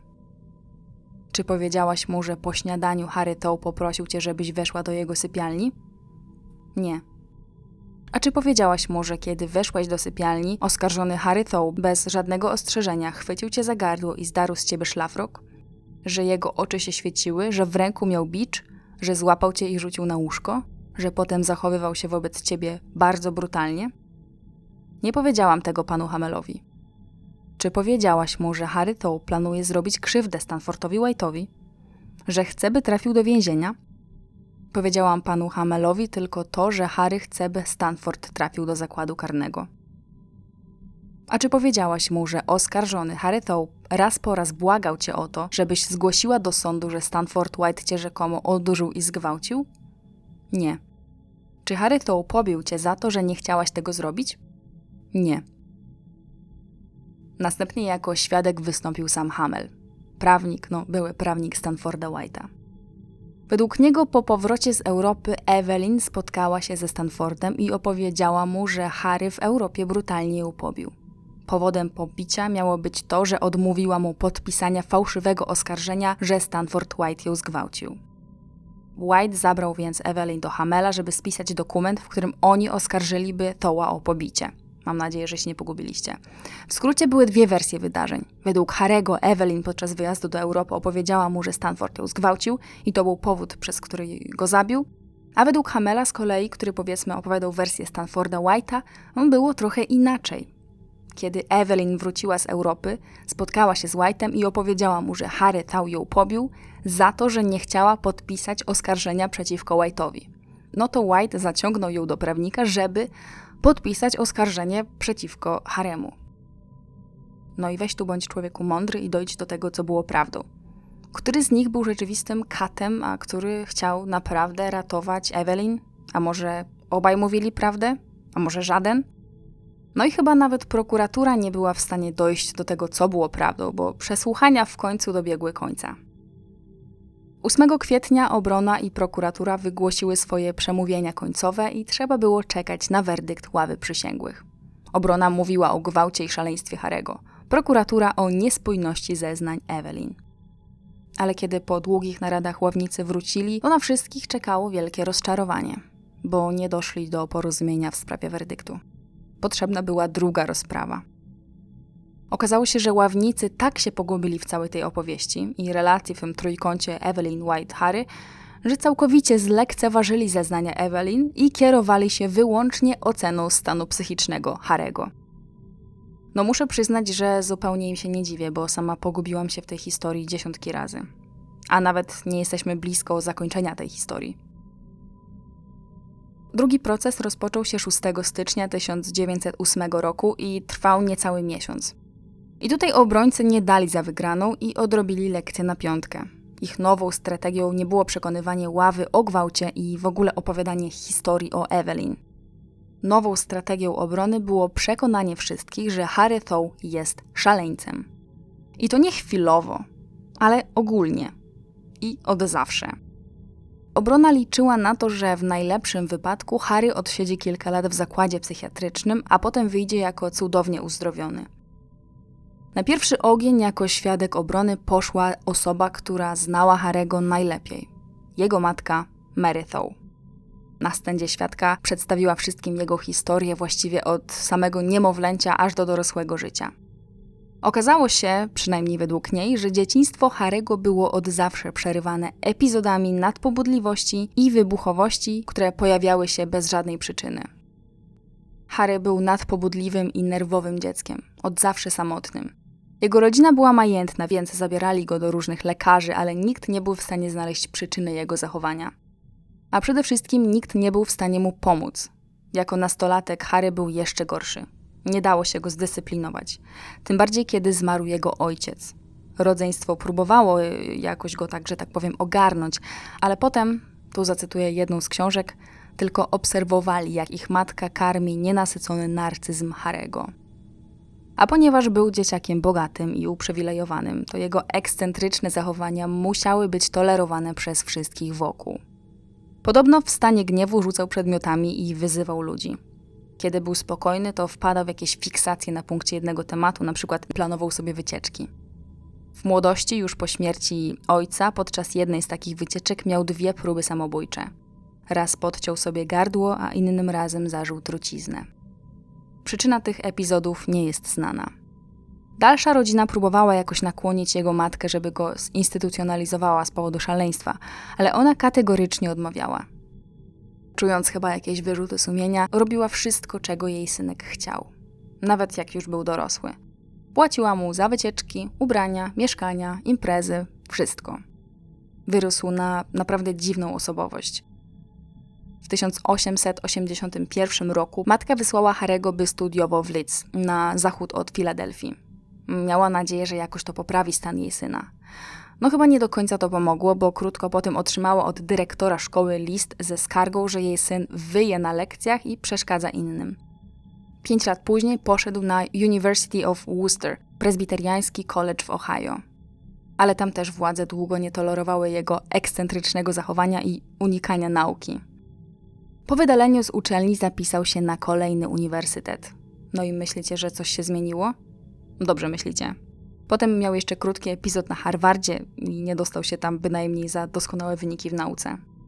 Większość swojego studenckiego życia spędzał na piciu i graniu w karty. W końcu i z tego Harvarda go też wyrzucili. Wrócił więc do matki i postanowił pomyśleć nad swoją przyszłością. Harry oznajmił, że zostanie podróżnikiem. Cały 1884 rok spędził na statku i w pociągu, zwiedzając Anglię, Francję, Niemcy, Austrię, Włochy, Węgry i Grecję. Ale nawet to nie sprawiło, że z jego psychiką stało się lepiej. Potrafił godzinami płakać bez powodu, a potem kolejne kilka godzin do nikogo się nie odzywać. Jego matka zeznała, że kiedyś po ostrym ataku manii został zabrany do ośrodka dla osób chorych psychicznie. Po siedmiu miesiącach uznano go za wyleczonego. Jednym z innych świadków była jedna z opiekunek rodziny Toł, która pracowała z Harem, kiedy był mały. Potwierdziła, że nie tylko miał napady agresji, ale też uczył się wolno i kiepsko, a płynnie zaczął mówić dopiero kiedy miał 7 lat. Dyrektor szkoły podstawowej, do której chodził, także zeznał, że kadra miała z nim problemy. Lekarz ze szpitala, w którym leżał po próbie samobójczej, zeznał, że chodził po korytarzu wymachując dużym kijem i wykrzykując przekleństwa w kierunku personelu. W końcu przyszła kolej na zeznania Evelyn. Tym razem została przemaglowana przez prokuratora o to rzekome pobicie, które według Hamela miało mieć miejsce w Austrii podczas podróży Evelyn i Harego po Europie, jeszcze zanim się pobrali. No i przyznała, że rzeczywiście Harry ją tamtej nocy pobił. Ale prokurator wypytywał też ogólnie o życie z Harrym już po ślubie. Evelyn zeznała, że Harry niejednokrotnie mówił jej, że planuje się zabić. Pewnego razu tak ni z tego nizowego oświadczył jej, że połknął właśnie całą butelkę trucizny i wkrótce umrze. Trzeba było go wieść do szpitala na płukanie żołądka. Według psychiatrów obrony samobójcze impulsy Harego były zgodne z diagnozą, że cierpiał na psychozę maniakalno-depresyjną, czyli nic innego jak chorobę afektywną dwubiegunową. Jeden z lekarzy zeznał, że jego choroba polegała na tym, że raz Harry był przygnębiony i siedział bez ruchu przez wiele godzin czy dni, a przy innych okazjach był rozgorączkowany i skupiał się na jakimś zadaniu. Według lekarza Harry podczas dokonywania morderstwa był, tu cytuję, niezdolny do oceny czynu i nie wiedział, że był niesłuszny. No, ciekawy obraz Harego to budowało. Ale prokurator dodał 2 do 2 i wychodziło mu 5. No bo jak to możliwe, że jeszcze kilka miesięcy temu obrona najpierw przekonywała wszystkich, że Harry jest całkowicie zdrowy psychicznie i może normalnie odpowiadać przed sądem? Potem twierdziła, że jednak był szalony, ale tylko na chwilę i tylko w trakcie zabójstwa. A teraz nagle Harry nie tylko był chwilowo szalony, ale właściwie to od zawsze. Prokurator nie krył oburzenia, jak biegli mogą tak ochoczo zmieniać swoje medyczne opinie. No ale cóż, zmienili. I teraz twardo pozostawali przy swoim. Harry Thaw był i jest chory i nie może odpowiadać za zabójstwo Stanforda White'a. Koniec, kropka. Prokuratura nie była w stanie dostarczyć dowodów naukowych, które podważałyby chorobę Harego. 1 lutego 1908 roku ławnicy ogłosili, że doszli do porozumienia. Harry Thaw został uznany za niewinnego z powodu niepoczytalności w momencie popełniania morderstwa. Sąd umieścił go w stanowym szpitalu dla przestępców z chorobami natury psychicznej. Harry, no, jak możemy się domyślić, nie był zadowolony. To znaczy, oczywiście był zadowolony z tego, że uniknie krzesła elektrycznego, ale publiczny szpital dla obłąkanych? No nie no, on przecież zasługiwał na więcej. Miał wrócić do domu jako niewinny człowiek. Taki był przecież plan. Albo ewentualnie na jakiś czas udać się do prywatnego sanatorium opłacanego przez matkę. Ale przecież nie do jakiejś biednej placówki stanowej. Zresztą wielu ludzi, powiedziałabym nawet, że większość nowojorczyków też tak uważało. Ale decyzja zapadła. Ba, szybko okazało się, że władze szpitala podjęły decyzję o tym, by nie traktować go w żaden specjalny sposób. Otrzymał wspólny pokój z 50 innymi pacjentami, głównie mordercami i gwałcicielami. No i tak sobie żył. Spędzał całe dnie na graniu w szachy w szpitalnej świetlicy albo brzdąkał na fortepianie. Każdy dzień wyglądał tak samo. Pobudka, śniadanie, przerwa, obiad, przerwa, kolacja, łóżko o dziewiątej. Zero alkoholu, zero cygar. Po pierwszej wizycie u męża Evelyn powiedziała w prasie, tutaj cytuję: To za okropne miejsce. Sama oszalałabym, gdybym została tam przez tydzień. To tylko umocniło opinię publiczną w przekonaniu, że Harry Thaw do szpitala trafił niesłusznie, a jego miejsce było na wolności. Starania o jego wypuszczenie ze szpitala zaczęły się stosunkowo szybko. W końcu prawnik Harego złożył do Sądu Najwyższego wniosek o wydanie nakazu habeas corpus. Habeas corpus to był akt, zgodnie z którym nie można było nikogo więzić bez prawomocnego nakazu sądu. A według wniosku prawnika nie było podstaw do dalszego przetrzymywania Harego w zamknięciu. Ława przysięgłych uniewinniła go z powodu niepoczytalności, ale nigdy nie było żadnego formalnego dochodzenia w sprawie jego stanu psychicznego. O ironio. We wniosku można było przeczytać, że Harry to niewinny człowiek, bez zarzutów przeciwko niemu, ale też bez orzeczenia o niepoczytalności. To ogólnie było mocno bez sensu, bo przecież jeszcze trzy miesiące wcześniej twierdzili, że Harry jest niepoczytalny. Ale to nie miało znaczenia, bo liczyły się kruczki prawne. Doszło nawet do rozprawy, ale sąd podjął decyzję o tym, że stan psychiczny Harego się nie zmienił, a jego przebywanie na wolności jest niebezpieczeństwem, przede wszystkim dla niego samego. W 1909 roku ponowił wniosek i ponownie doszło do rozprawy. Jednym ze świadków mm, na rozprawie o uwolnienie Harry ze szpitala była Evelyn Nesbit. Ale ku zaskoczeniu wszystkich i być może Was to też zaskoczy, Evelyn zdecydowała się zeznawać na niekorzyść męża. Prokurator dotarł do informacji, że podczas jednej z wizyt u Harego w szpitalu ten miał grozić Evelyn. Miał jej powiedzieć, tutaj cytuję: Kiedy stąd wyjdę, będę cię musiał zabić. Evelyn, zapytana o to w sądzie, bała się odpowiedzieć. Powiedziała tutaj, dokładnie zacytuję jeszcze raz: Boję się go, strasznie się go boję. Jeśli odpowiem na to pytanie, zasłużę sobie na wieczną nienawiść Harego. Nie będzie mnie już wspierał, a ja nie będę miała z czego żyć. Poza tym nadal jestem jego żoną. No, niby nie odpowiedziała, ale tak naprawdę to w sumie odpowiedziała. Harry tłumaczył się w prasie, że to wszystko jest kłamstwem, a Evelyn zależy wyłącznie na jego pieniądzach. Ale Evelyn nie była jedyną osobą, która zeznawała przeciwko niemu. Psychiatrzy ze szpitala, w którym przebywał, także przekonywali, że absolutnie Harry nie wyzdrowiał. Nadal ma problemy psychiczne, nadal jest na lekach i powinien zostać w placówce. Ogólnie te rozprawy o jego uwolnienie raczej przeszłyby bez jakiegoś szczególnego echa, gdyby nie jeden świadek. 28 lipca 1909 roku w sądzie pojawiła się niska kobieta w średnim wieku. Susan Merrill się zwała. Susan Merrill była właścicielką budynku w Nowym Jorku i miała pokoje na wynajem. Posłuchajcie tylko transkryptu z jej zeznań. Czy znasz Harry'ego Toła? Oczywiście. Opowiedz, jak go poznałaś. Jesienią 1903 roku wynajął ode mnie pokoje. Powiedział, że potrzebuje ich do swojego teatralnego biznesu.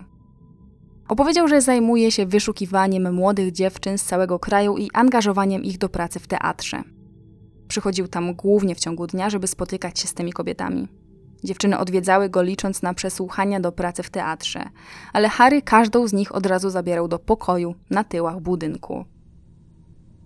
Czy zauważyłaś jakieś nietypowe zdarzenia w pokojach, które od ciebie wynajmował?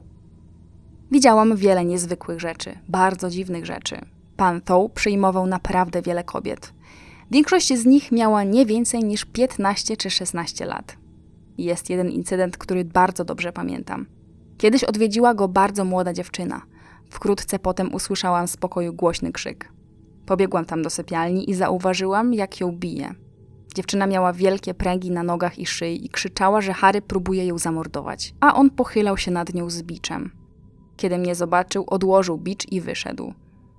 Czy to jest ten bicz? Tak, to jest jeden z jego batów. Miał ich ze trzy, cztery rodzaje. Zażądałam od niego wyjaśnienia, dlaczego pobił tę dziewczynę. Odpowiedział mi, że była agresywna, więc próbował ją nauczyć, jak ma się zachowywać. Łącznie Susan Merrill widziała, jak Harry Tow pobił trzy różne młode dziewczyny. Za każdym razem tłumaczył się tak samo, że były głupie i że musiał to zrobić, żeby ich czegoś nauczyć. Za każdym razem obiecywał, że to się już nie powtórzy, a Meryl za każdym razem mu wierzyła. Harry wydał w prasie oświadczenie, mówiąc, że Meryl kłamie. Ale wiedział, że już po nim. Sąd po raz kolejny wydał decyzję, że Harry musi pozostać w szpitalu. W innym wypadku ponownie popełni akt przemocy. No ale oczywiście, Harry i jego matka i jej prawnicy nie dawali za wygraną. Matka zorganizowała nawet jakiś spisek, w którym doszło do podpalenia placówki, wsadzenia jakiegoś tam swojego człowieka, zwolnienia dyrektora szpitala i przekupienia personelu, ale wszystkie te działania nie przynosiły skutków. No więc co na to Harry? Trzymajcie się. Podjął decyzję, że skoro go nie wypuszczą dobrowolnie, to on ucieknie. Tak. Jak pomyślał, tak też zrobił. opracował genialny plan.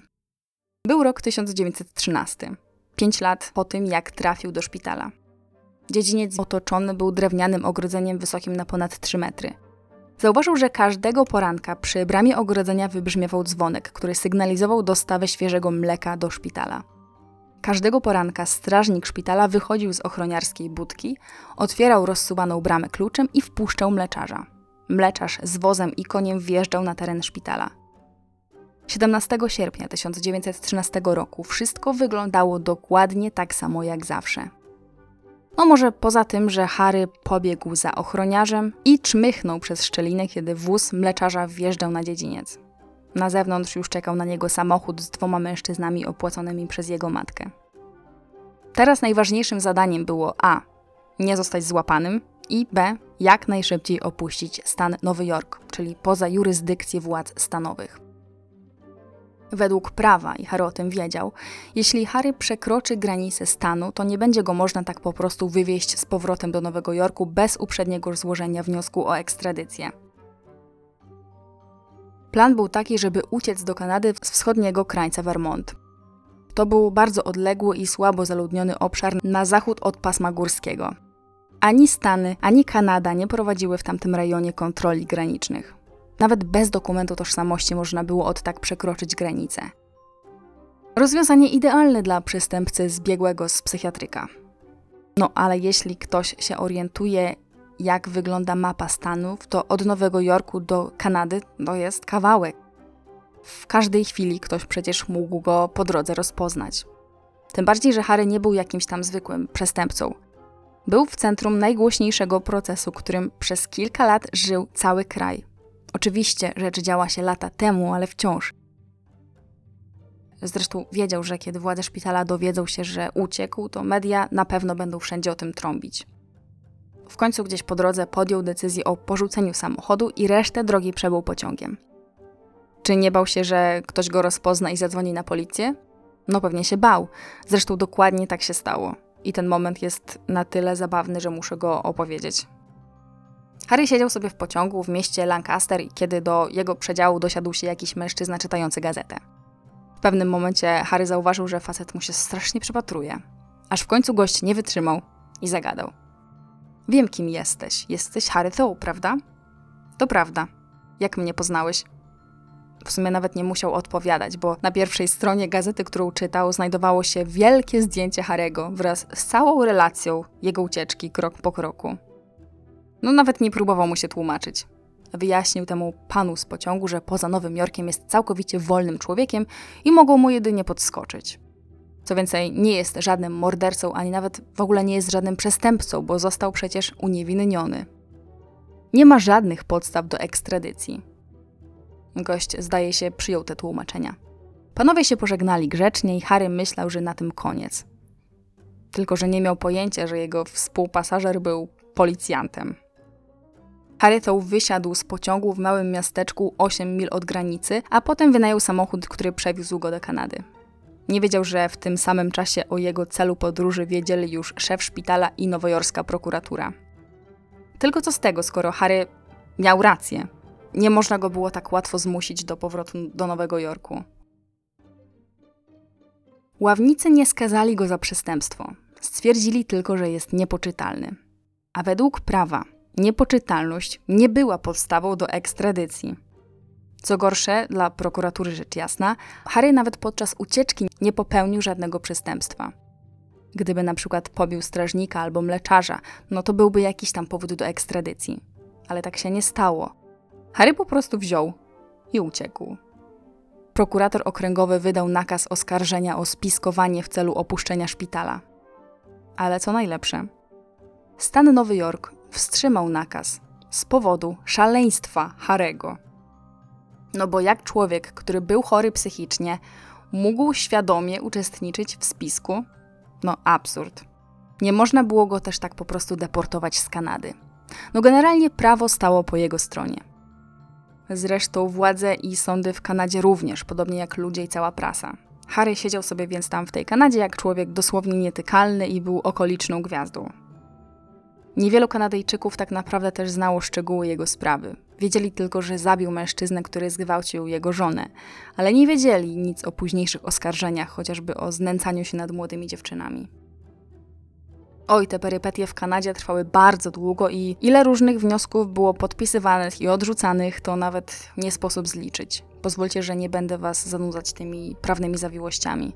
Ostatecznie po tych wszystkich perturbacjach doszło do tego, że aresztowano go w Kanadzie. I wiecie za co go aresztowano? Za hazard. No i po kolejnych prawnych potyczkach w końcu uzyskano rozkaz deportacji do Stanów Zjednoczonych. Co było dalej?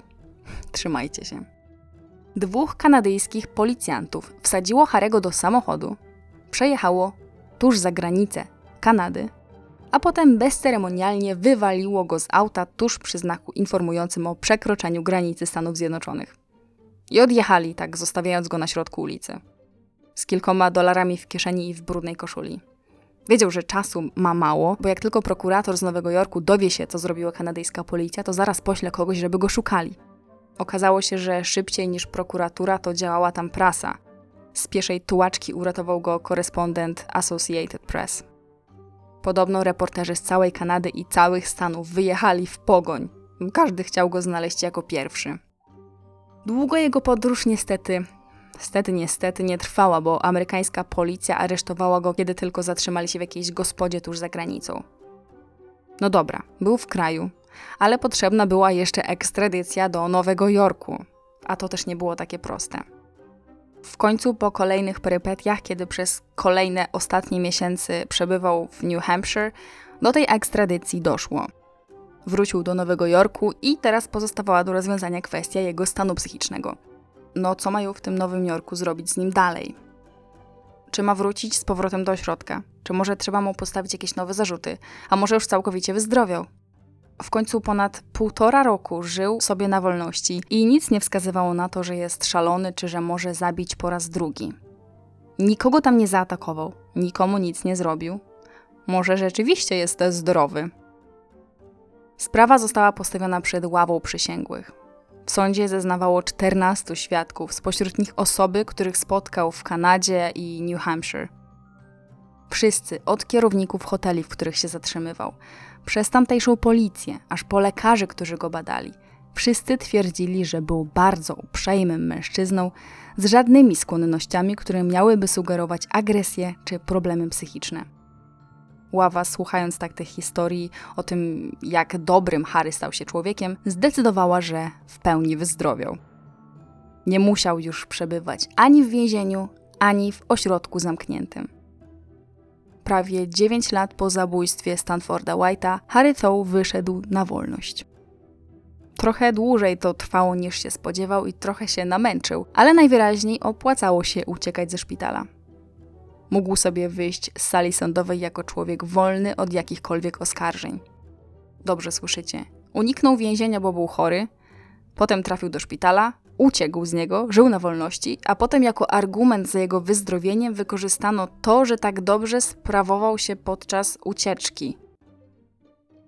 Ale myślicie, że to koniec? Nie.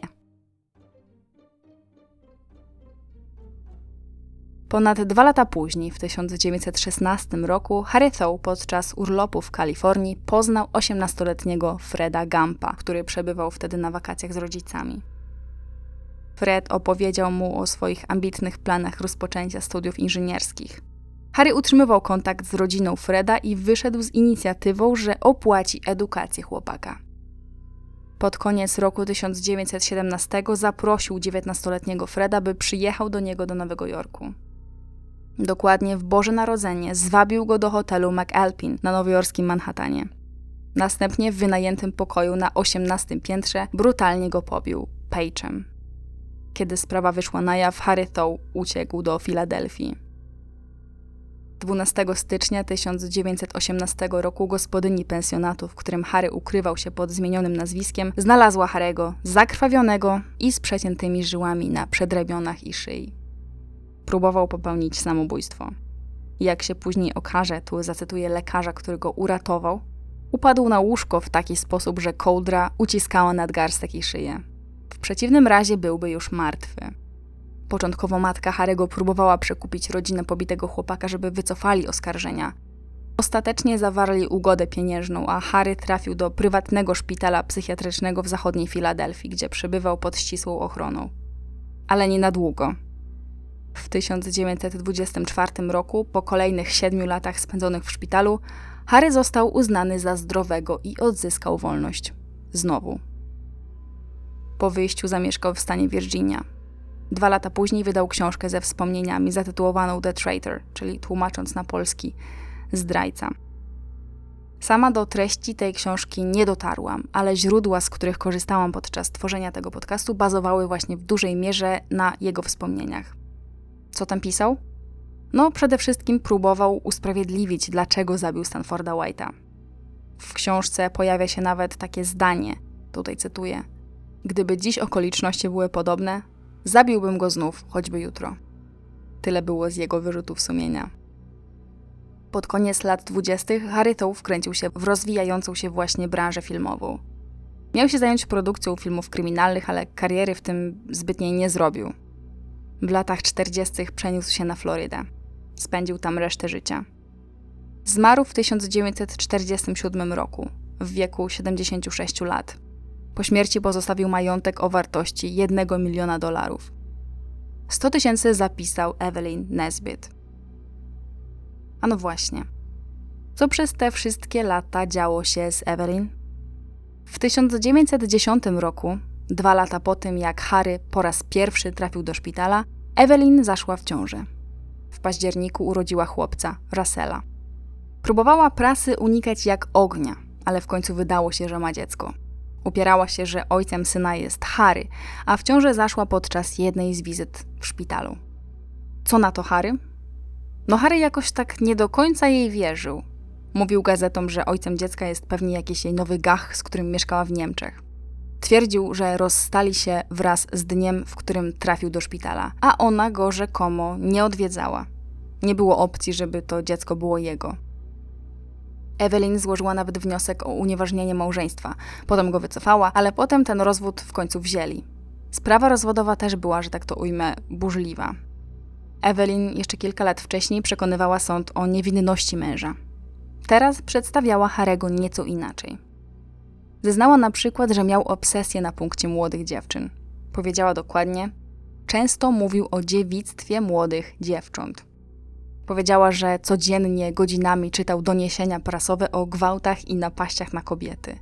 Że kilkukrotnie znalazła wśród jego notatek szkice z rysunkami przedstawiającymi mężczyzn bijących kobiety. Że bała się powiedzieć mu o tym, że nie była dziewicą, bo Harry miał na tym punkcie obsesję. Mówiła, że miał manię posłuszeństwa, że ją bił i to nie jeden raz, ale bił ją także w trakcie trwania małżeństwa. Opisała go jako brutalnego psychopatę, którego po prostu się bała. W 1913 roku, w tym samym roku, w którym Harry uciekł z tego pierwszego szpitala psychiatrycznego, Evelyn wróciła na scenę. Występowała z partnerem, tancerzem Jackiem Cliffordem, który wkrótce został jej partnerem także w życiu. W 1916 roku para się pobrała. Ale niestety, drugi mąż był niewierny i rozwiedli się po dwóch latach. Evelyn z małym dzieckiem i doświadczeniem na scenie postanowiła zrobić karierę na srebrnym ekranie. Wystąpiła w kilkunastu filmach, w tym czterech dla studia Fox. Była między innymi gwiazdą filmu Wybawienie z 1917 roku. W niektórych z tych filmów występowała nawet razem z synem. Zarobiła na tych filmach fortunę. Niestety nie zachowały się żadne materiały z filmami z jej udziałem. Jej dalsze życie nie było usłane różami. Była uzależniona, najpierw od morfiny, potem od kokainy. Przygodę z kinem zakończyła w 1922 roku, a zarobione pieniądze właściwie od razu się rozeszły. W wywiadzie dla Timesa z 1922 roku powiedziała, tutaj cytuję: Pamiętam jedną imprezę w Hollywood. Kokainę podawano na stole w dużej cukiernicy. Narkotyki kosztowały mnie 100 tysięcy dolarów i jednocześnie kosztowały mnie moich przyjaciół i szacunek do samej siebie. Prasa potem raz po raz będzie pisała o jej ekscesach, eksmisjach, licytacjach jej biżuterii, pijackich bójkach, podejrzanych aresztowaniach, a nawet o związkach z nowojorskimi gangsterami. W końcu matka wysłała ją na odwyk. Po wyjściu z odwyku Evelyn otworzyła klub nocny w Atlantic City, potem herbaciarnię w Nowym Jorku, a potem nawet założyła firmę kosmetyczną. Żaden z tych biznesów nie odniósł sukcesu. Żeby jakoś przeżyć, zaczęła występować w klubach nocnych jako taka gwiazda, upadła celebrytka. No cały czas była znana, więc przyciągała spore tłumy. Tylko co z tego, skoro właściciele klubów ją naciągali i notorycznie wykorzystywali finansowo? Jej brat się powiesił, jej matka umarła, nie miała nikogo. W 1926 roku, kiedy Harry wyszedł już z tego drugiego szpitala psychiatrycznego, Evelyn próbowała popełnić samobójstwo, pijąc środek dezynfekujący. Kiedy Harry zmarł, nie była na jego pogrzebie. Do końca utrzymywała, że to Harry był ojcem jej syna. Russell, czyli syn Evelyn, został pilotem i pod koniec życia utrzymywał matkę. Pod koniec życia Evelyn wiodła życie religijnej katoliczki i zajmowała się rzeźbą. W 1955 roku studio 20th Century Fox wykupiło prawa do opowiedzenia jej historii. Powstał wtedy film Dziewczyna na czerwonej aksamitnej huśtawce. W postać Evelyn wcieliła się aktorka Joan Collins. To ta sama, która lata później zagra słynną Alexis w Dynastii. Możecie ten film obejrzeć w całości na YouTubie. Co prawda po angielsku, ale za to w dobrej jakości. Podlinkuję Wam w opisie. Evelyn Nesbit zmarła w 1967 roku w wieku 82 lat. Po jej śmierci wyszło na jaw, że to nie Harry Thaw był ojcem jej syna, a reporter prasowy Jack Francis, z którym miała romans. Jak potwierdzają dokumenty, Francis przyznał się do ojcostwa. To, czy Stanford White rzeczywiście zgwałcił Evelyn Nesbit, do dzisiaj jest przedmiotem sporów. Nie ma żadnych dowodów ani, że to zrobił, ani, że tego nie zrobił. Historycy i prawnicy po latach będą wielokrotnie podważać dziury w zeznaniach kobiety. Prokurator okręgowy podkreślał, że na dzień, który Evelyn podała jako datę rzekomego gwałtu, Stanford White miał bardzo solidne alibi. Nawet po latach od słynnego procesu prokurator uważał, że prawnicy Harry'ego Toła zmanipulowali Evelyn, by opowiedziała o gwałcie, który nigdy nie miał miejsca. Jako żona Harego miała po prostu obowiązek go bronić. Nawet kosztem własnej reputacji, czy po prostu kłamiąc w sądzie. Według prokuratora, ale też wielu osób, które analizowały tę sprawę po latach, Evelyn nigdy nie opowiedziała Haremu o gwałcie. Powiedziała mu jedynie, że Stanford White był jej pierwszym kontaktem seksualnym z mężczyzną. A co na to sama zainteresowana? Evelyn Nesbit napisała dwie autobiografie. W obydwu wspominała to zdarzenie i opisała całą swoją relację i z Harrym Thowem, i ze Stanfordem White'em. I co najciekawsze, w obydwu książkach wypowiadała się dobrze o Stanfordzie White'ie i bardzo źle o Harrym. Pierwsza z biografii została wydana w 1914 roku, czyli rok po tym, jak Harry Thaw uciekł ze szpitala psychiatrycznego. Druga trafiła do obiegu w roku 1934. W obydwu książkach opisała, że nigdy nie uważała, że Stanford White ją celowo odurzył tamtej nocy. Po prostu wypiła za dużo szampana. Owszem, przespała się z White'em, ale nie uważała tego za gwałt, a za, cytuję, dobrowolną inicjację seksualną. W tej drugiej autobiografii szeroko opisała z kolei dzień, w którym Harry Thaw pobił ją w zamku. Miał być rzekomo wściekły na to, że Evelyn nie chciała wnieść oskarżenia przeciwko Stanfordowi White'owi. Dlaczego Harry aż tak się wściekł? Opcje mogą być dwie. Albo Evelyn rzeczywiście przedstawiła mu to wtedy jako gwałt, bo może wstydziła się tego. Pamiętajmy jednak, jakie to były czasy i pamiętajmy, jakie poglądy, a raczej no jakie obsesje miał Harry Thaw. Albo ewentualnie Evelyn wyznała mu inną prawdę, to znaczy, że Stanford nigdy jej nie zgwałcił, tyle że Harry zinterpretował to jako gwałt. Po latach, zarówno na salach sądowych, w wywiadach dla prasy, ale też w swoich biografiach, będzie często wspominać, że Harry miał obsesję na punkcie kilku rzeczy: czystości kobiet, przemocy i kar cielesnych oraz Stanforda White'a. Będzie wspominała, że z perspektywy czasu powinna wcześniej zauważyć, że Harry wypytywał ją o Stanforda White'a już od początku ich znajomości. Na ich pierwszej randce powiedział jej, że powinna trzymać się od White'a z daleka, bo jest, to cytuję, okropnym człowiekiem i w dodatku żonatym. Evelyn po latach dojdzie do konkluzji, że Harry był jeszcze gorszy. Kiedy na przykład dowiedział się, że Stanford White opłacił jej kiedyś wizyty u dentysty i naprawę zęba, to trzymajcie się mocno. Harry zabrał ją do dentysty, by usunął wszystko, co zrobił tamten dentysta, a potem z powrotem to naprawił. Noc w austro-węgierskim zamku opisała jako gotycki koszmar. Ale jednak wyszła za niego. Sama nie wiedziała dlaczego. Nie wiedziała też, że Harry prowadził podwójne życie. Późniejsze gazety pisały, że Harry pod przybranym nazwiskiem wielokrotnie wynajmował pokoje w różnych hotelach i hostelach, nie tylko w Stanach, ale i w Europie. Sprowadzał tam młode dziewczyny, które, zacytuję jedną z książek, chłostał biczami, skubał kajdankami i przywiązywał do krzeseł, krzyczał im w twarz, a niektóre nawet przypalał żelazkiem. Wszystko w dobrym celu, żeby je ukarać za niemoralne sprawowanie, czymkolwiek ono było. Niektórzy historycy kuszą się o spojrzenie na tę sprawę z perspektywy Stanforda White'a. Stanford White, pomijając fakt, że sam miał no, sporo za uszami, rzekomo nie bez powodu robił wszystko, co mógł, żeby odsunąć Evelyn od znajomości z Harrym Towem. Sam sporo o nim wiedział, bo spotkał go na swojej drodze już wcześniej. I dokładnie wiedział, że Harry Thow go nienawidził. I teraz najlepsze. Według historyków, Stanford White mógł przypuszczać, że cała znajomość Harego z Evelyn w ogóle nigdy nie była przypadkowa. Powtórzę to jeszcze raz. Cała znajomość Harego i Evelyn nigdy nie była przypadkowa. Harry mógł celowo uwieść właśnie Evelyn po to, by zrobić na złość Stanfordowi White'owi. Dlaczego? Bo go nienawidził. Na długo przed tym, jak którykolwiek z nich w ogóle wiedział, że ktoś taki jak Evelyn istnieje. Harry w tamtych latach, jak zresztą już wcześniej wspomniałam, z uporem maniaka próbował podnieść swój status społeczny. No bo owszem, miał po ojcu ogromną fortunę, ale co z tego, skoro miał kiepską reputację? Usiłował dostać się do elitarnych męskich klubów towarzyskich, które były ostateczną oznaką wysokiego statusu. Ale niestety, wśród tej elity miał opinię młodego narkomana, szaleńca, hazardzisty i bawidamka. Dżentelmeni nie chcieli takiego rozpustnika w swoich kręgach, nawet jeśli miał duże pieniądze. Bo po co? Oni też mieli duże pieniądze. No więc odrzucony Harry przelał całą swoją gorycz i frustrację głównie na jednego człowieka. Człowieka, który odegrał kluczową rolę w tworzeniu i rozwijaniu większości klubów dla elit z tamtych okolic, czyli Stanforda White'a. I wcale to nie jest żadna tajemnica Poliszynela. Harry w swojej autobiografii szczegółowo opisał swoje relacje z White'em, zanim jeszcze obaj poznali Evelyn.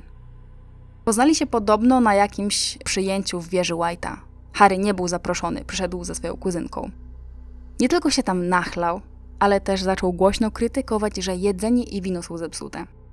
Innym razem zabrał jakieś tancerki, z którymi imprezował na mieście, a potem wparował z nimi na zamknięte przyjęcie u Stanforda White'a. No, nic dziwnego, że White nie miał o nim najlepszego zdania. Stanford White uważał Harego za mało znaczącego pozera.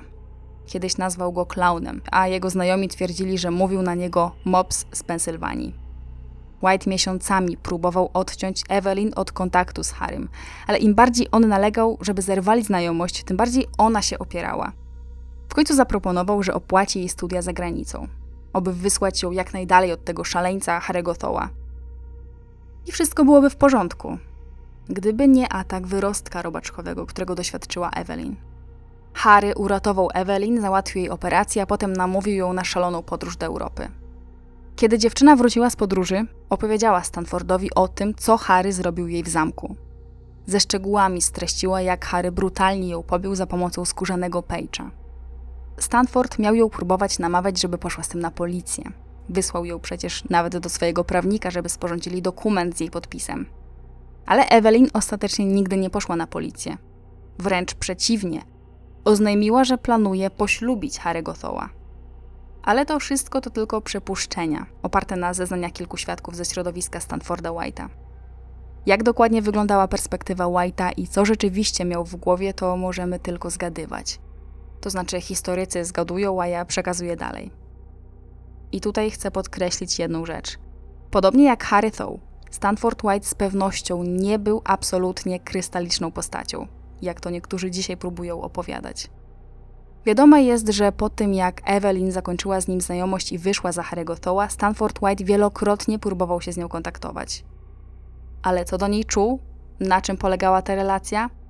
Wiemy na przykład, że Harry nie był jedynym mężczyzną, który pojawił się w życiu Evelyn. Wcześniej dziewczyna spotykała się na przykład z aktorem Johnem Barrymorem. Pra którymś tam dziadkiem aktorki Drew Barrymore. Mężczyzna długo spotykał się z dziewczyną i nawet jej oświadczył, ale White robił wszystko, co mógł, żeby ich rozdzielić. I udało mu się. Wyglądało to tak, jakby chciał ją mieć tylko dla siebie. Ale cóż, nie tylko ją. Stanford White miał kontakty z wieloma młodymi dziewczynami, często nieletnimi. Evelyn nie była ani pierwsza, ani ostatnia.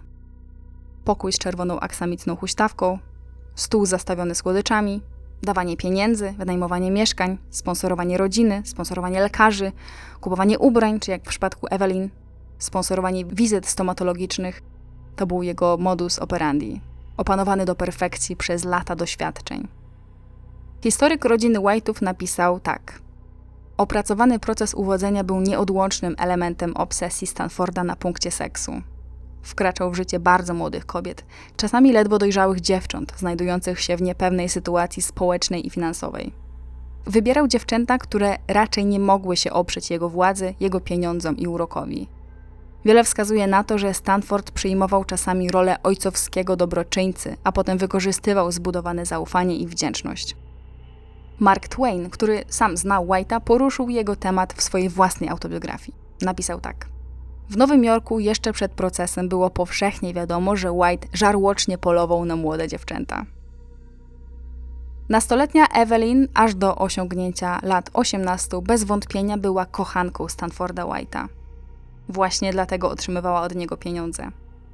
Ich znajomość trwała nawet podczas podróży Evelyn z Harem po Europie i zakończyła się w momencie, kiedy Evelyn oznajmiła, że wychodzi za Harego za mąż. Kiedy związek Evelyn i Stanforda był już prawie na ukończeniu, to dziewczyna znalazła w jego rzeczach mały czarny notes, w którym zapisywał imiona swoich kolejnych nastoletnich kochanek. No cóż, co do jednego, Harry to miał rację. Potwierdzone jest też, że Stanford White należał do podziemnego kręgu seksualnego, który składał się z grupy zamożnych mężczyzn, głównie maklerów giełdowych, handlarzy antykami, bankierów, fotografów, pisarzy i artystów. Przypuszczenia Harego co do tego, że Stanford White uwodzi młode kobiety i organizuje w cudzysłowie przyjęcia z nastoletnimi dziewczynami, były prawdziwe. Kto więc jest w tej historii winny? I co tak naprawdę się tu w ogóle zdarzyło? Ponad wszelką wątpliwość wydaje się, że Evelyn Nesbit spotkała w swoim życiu nie jedną, jak to twierdził Harry, ale dwie bestie. Jedna z bestii odnalazła ją jako kilkunastoletnią dziewczynę, wyrwała z biedy, uwiodła, a potem latami wykorzystywała jej naiwność. Bo nawet przyjmując, że Stanford White rzeczywiście teoretycznie nie zgwałcił Evelyn, no to jak nazwać wieloletnią seksualną relację starszego mężczyzny z nastolatką? Mężczyzny, który wyciągnął ją z ubóstwa, obsypywał pieniędzmi, wprowadził na salony, uwiódł jej matkę, jej brata wysłał na uniwersytet, opłacił jej mieszkanie, szkołę, a w zamian za, no właśnie za co, za wierność? Jeśli nie jest to grooming, to ja nie wiem, co nim jest. Druga bestia w życiu Evelyn, udając, że chroni ją przed pierwszą bestią, uratowała ją w cudzysłowie z piekła tylko po to, żeby wprowadzić ją do jeszcze gorszego piekła. No bo jak inaczej niż bestią nazwać mężczyznę, który uwiódł kobietę swojego wroga, zmusił ją w jakiś sposób do, do małżeństwa i był wobec niej brutalny. a w ostatnim akcie tego dziwnego teatru postanowił zabić swojego rywala w imię jakiejś zemsty. Evelyn przez lata otrzymywała listy i od fanów, i od osób, które wylewały żale, ubolewając, że ona nigdy nie została pociągnięta do odpowiedzialności za swoje czyny. Wielokrotnie zarzucano jej, że to ona uwiodła obu mężczyzn, a potem wodziła ich za nos, spotykając się z jednym i drugim jednocześnie, co ostatecznie doprowadziło do tragedii. Do dzisiaj czasami bywa przedstawiana jako kokietka, która z pełną świadomością uwodziła facetów od najmłodszych lat. Autor jednej z książek na temat Evelyn kontaktował się z jej synową i wnukiem. Otrzymał dzięki nim dostęp do rodzinnych archiwów, w tym listów i zdjęć. I wiecie co? Evelyn do końca życia twierdziła, że Stanford White był jedynym mężczyzną, którego kiedykolwiek kochała. I to już koniec tej naprawdę przedziwnej historii. Kiedy na początku do niej siadałam, to miała być opowieść o głośnej zbrodni, no może ewentualnie sądowym dramatem. Ale kiedy wczytywałam się coraz bardziej, to okazała się owszem dramatem, ale bardziej życiowym niż sądowym. Opowieścią o dziwnym trójkącie miłosnym, w którym nie wiadomo, czy w ogóle była kiedykolwiek jakaś miłość. Zdaję sobie sprawę, że chociaż długość podcastu jest jaka jest, to pewnie pominęłam wiele elementów tej historii. Niektóre celowo, niektóre pewnie niecelowo. Jestem bardzo ciekawa, co sądzicie o tej sprawie. Czy zabójstwo Stanforda White'a było rzeczywiście aktem bezsilności rozgoryczonego męża? A może starannie zaplanowaną zemstą na dawnym wrogu? Czy Harry w jakiś specyficzny dla siebie sposób naprawdę kochał Evelyn? Czy może cała ich znajomość i małżeństwo były wyrachowaną grą, a Evelyn tylko pionkiem, który był potrzebny, żeby zabić Stanforda White'a? Czy Evelyn w sądzie podczas pierwszej rozprawy zeznawała zgodnie z prawdą o tym, co się wydarzyło? Czy może została zmanipulowana przez Harego i jego prawników, żeby kłamać i pomóc mu uniknąć krzesła elektrycznego? A może było jeszcze inaczej? Może Evelyn wcale nie była tu ofiarą, a celowo uwodziła bogatych mężczyzn i wykorzystywała ich przywileje, status i pieniądze? A może największej winy trzeba szukać w jej matce, która przecież właściwie sama wepchnęła nastoletnią córkę w ramiona mężczyzny starszego od niej samej? W swoich pamiętnikach Evelyn dużą winą obciąża właśnie swoją matkę. Dajcie znać, co sądzicie. A temu, kto dotrwał do końca, gratuluję. I niech napisze w komentarzu proces stulecia. Dzięki i do następnego. Cześć.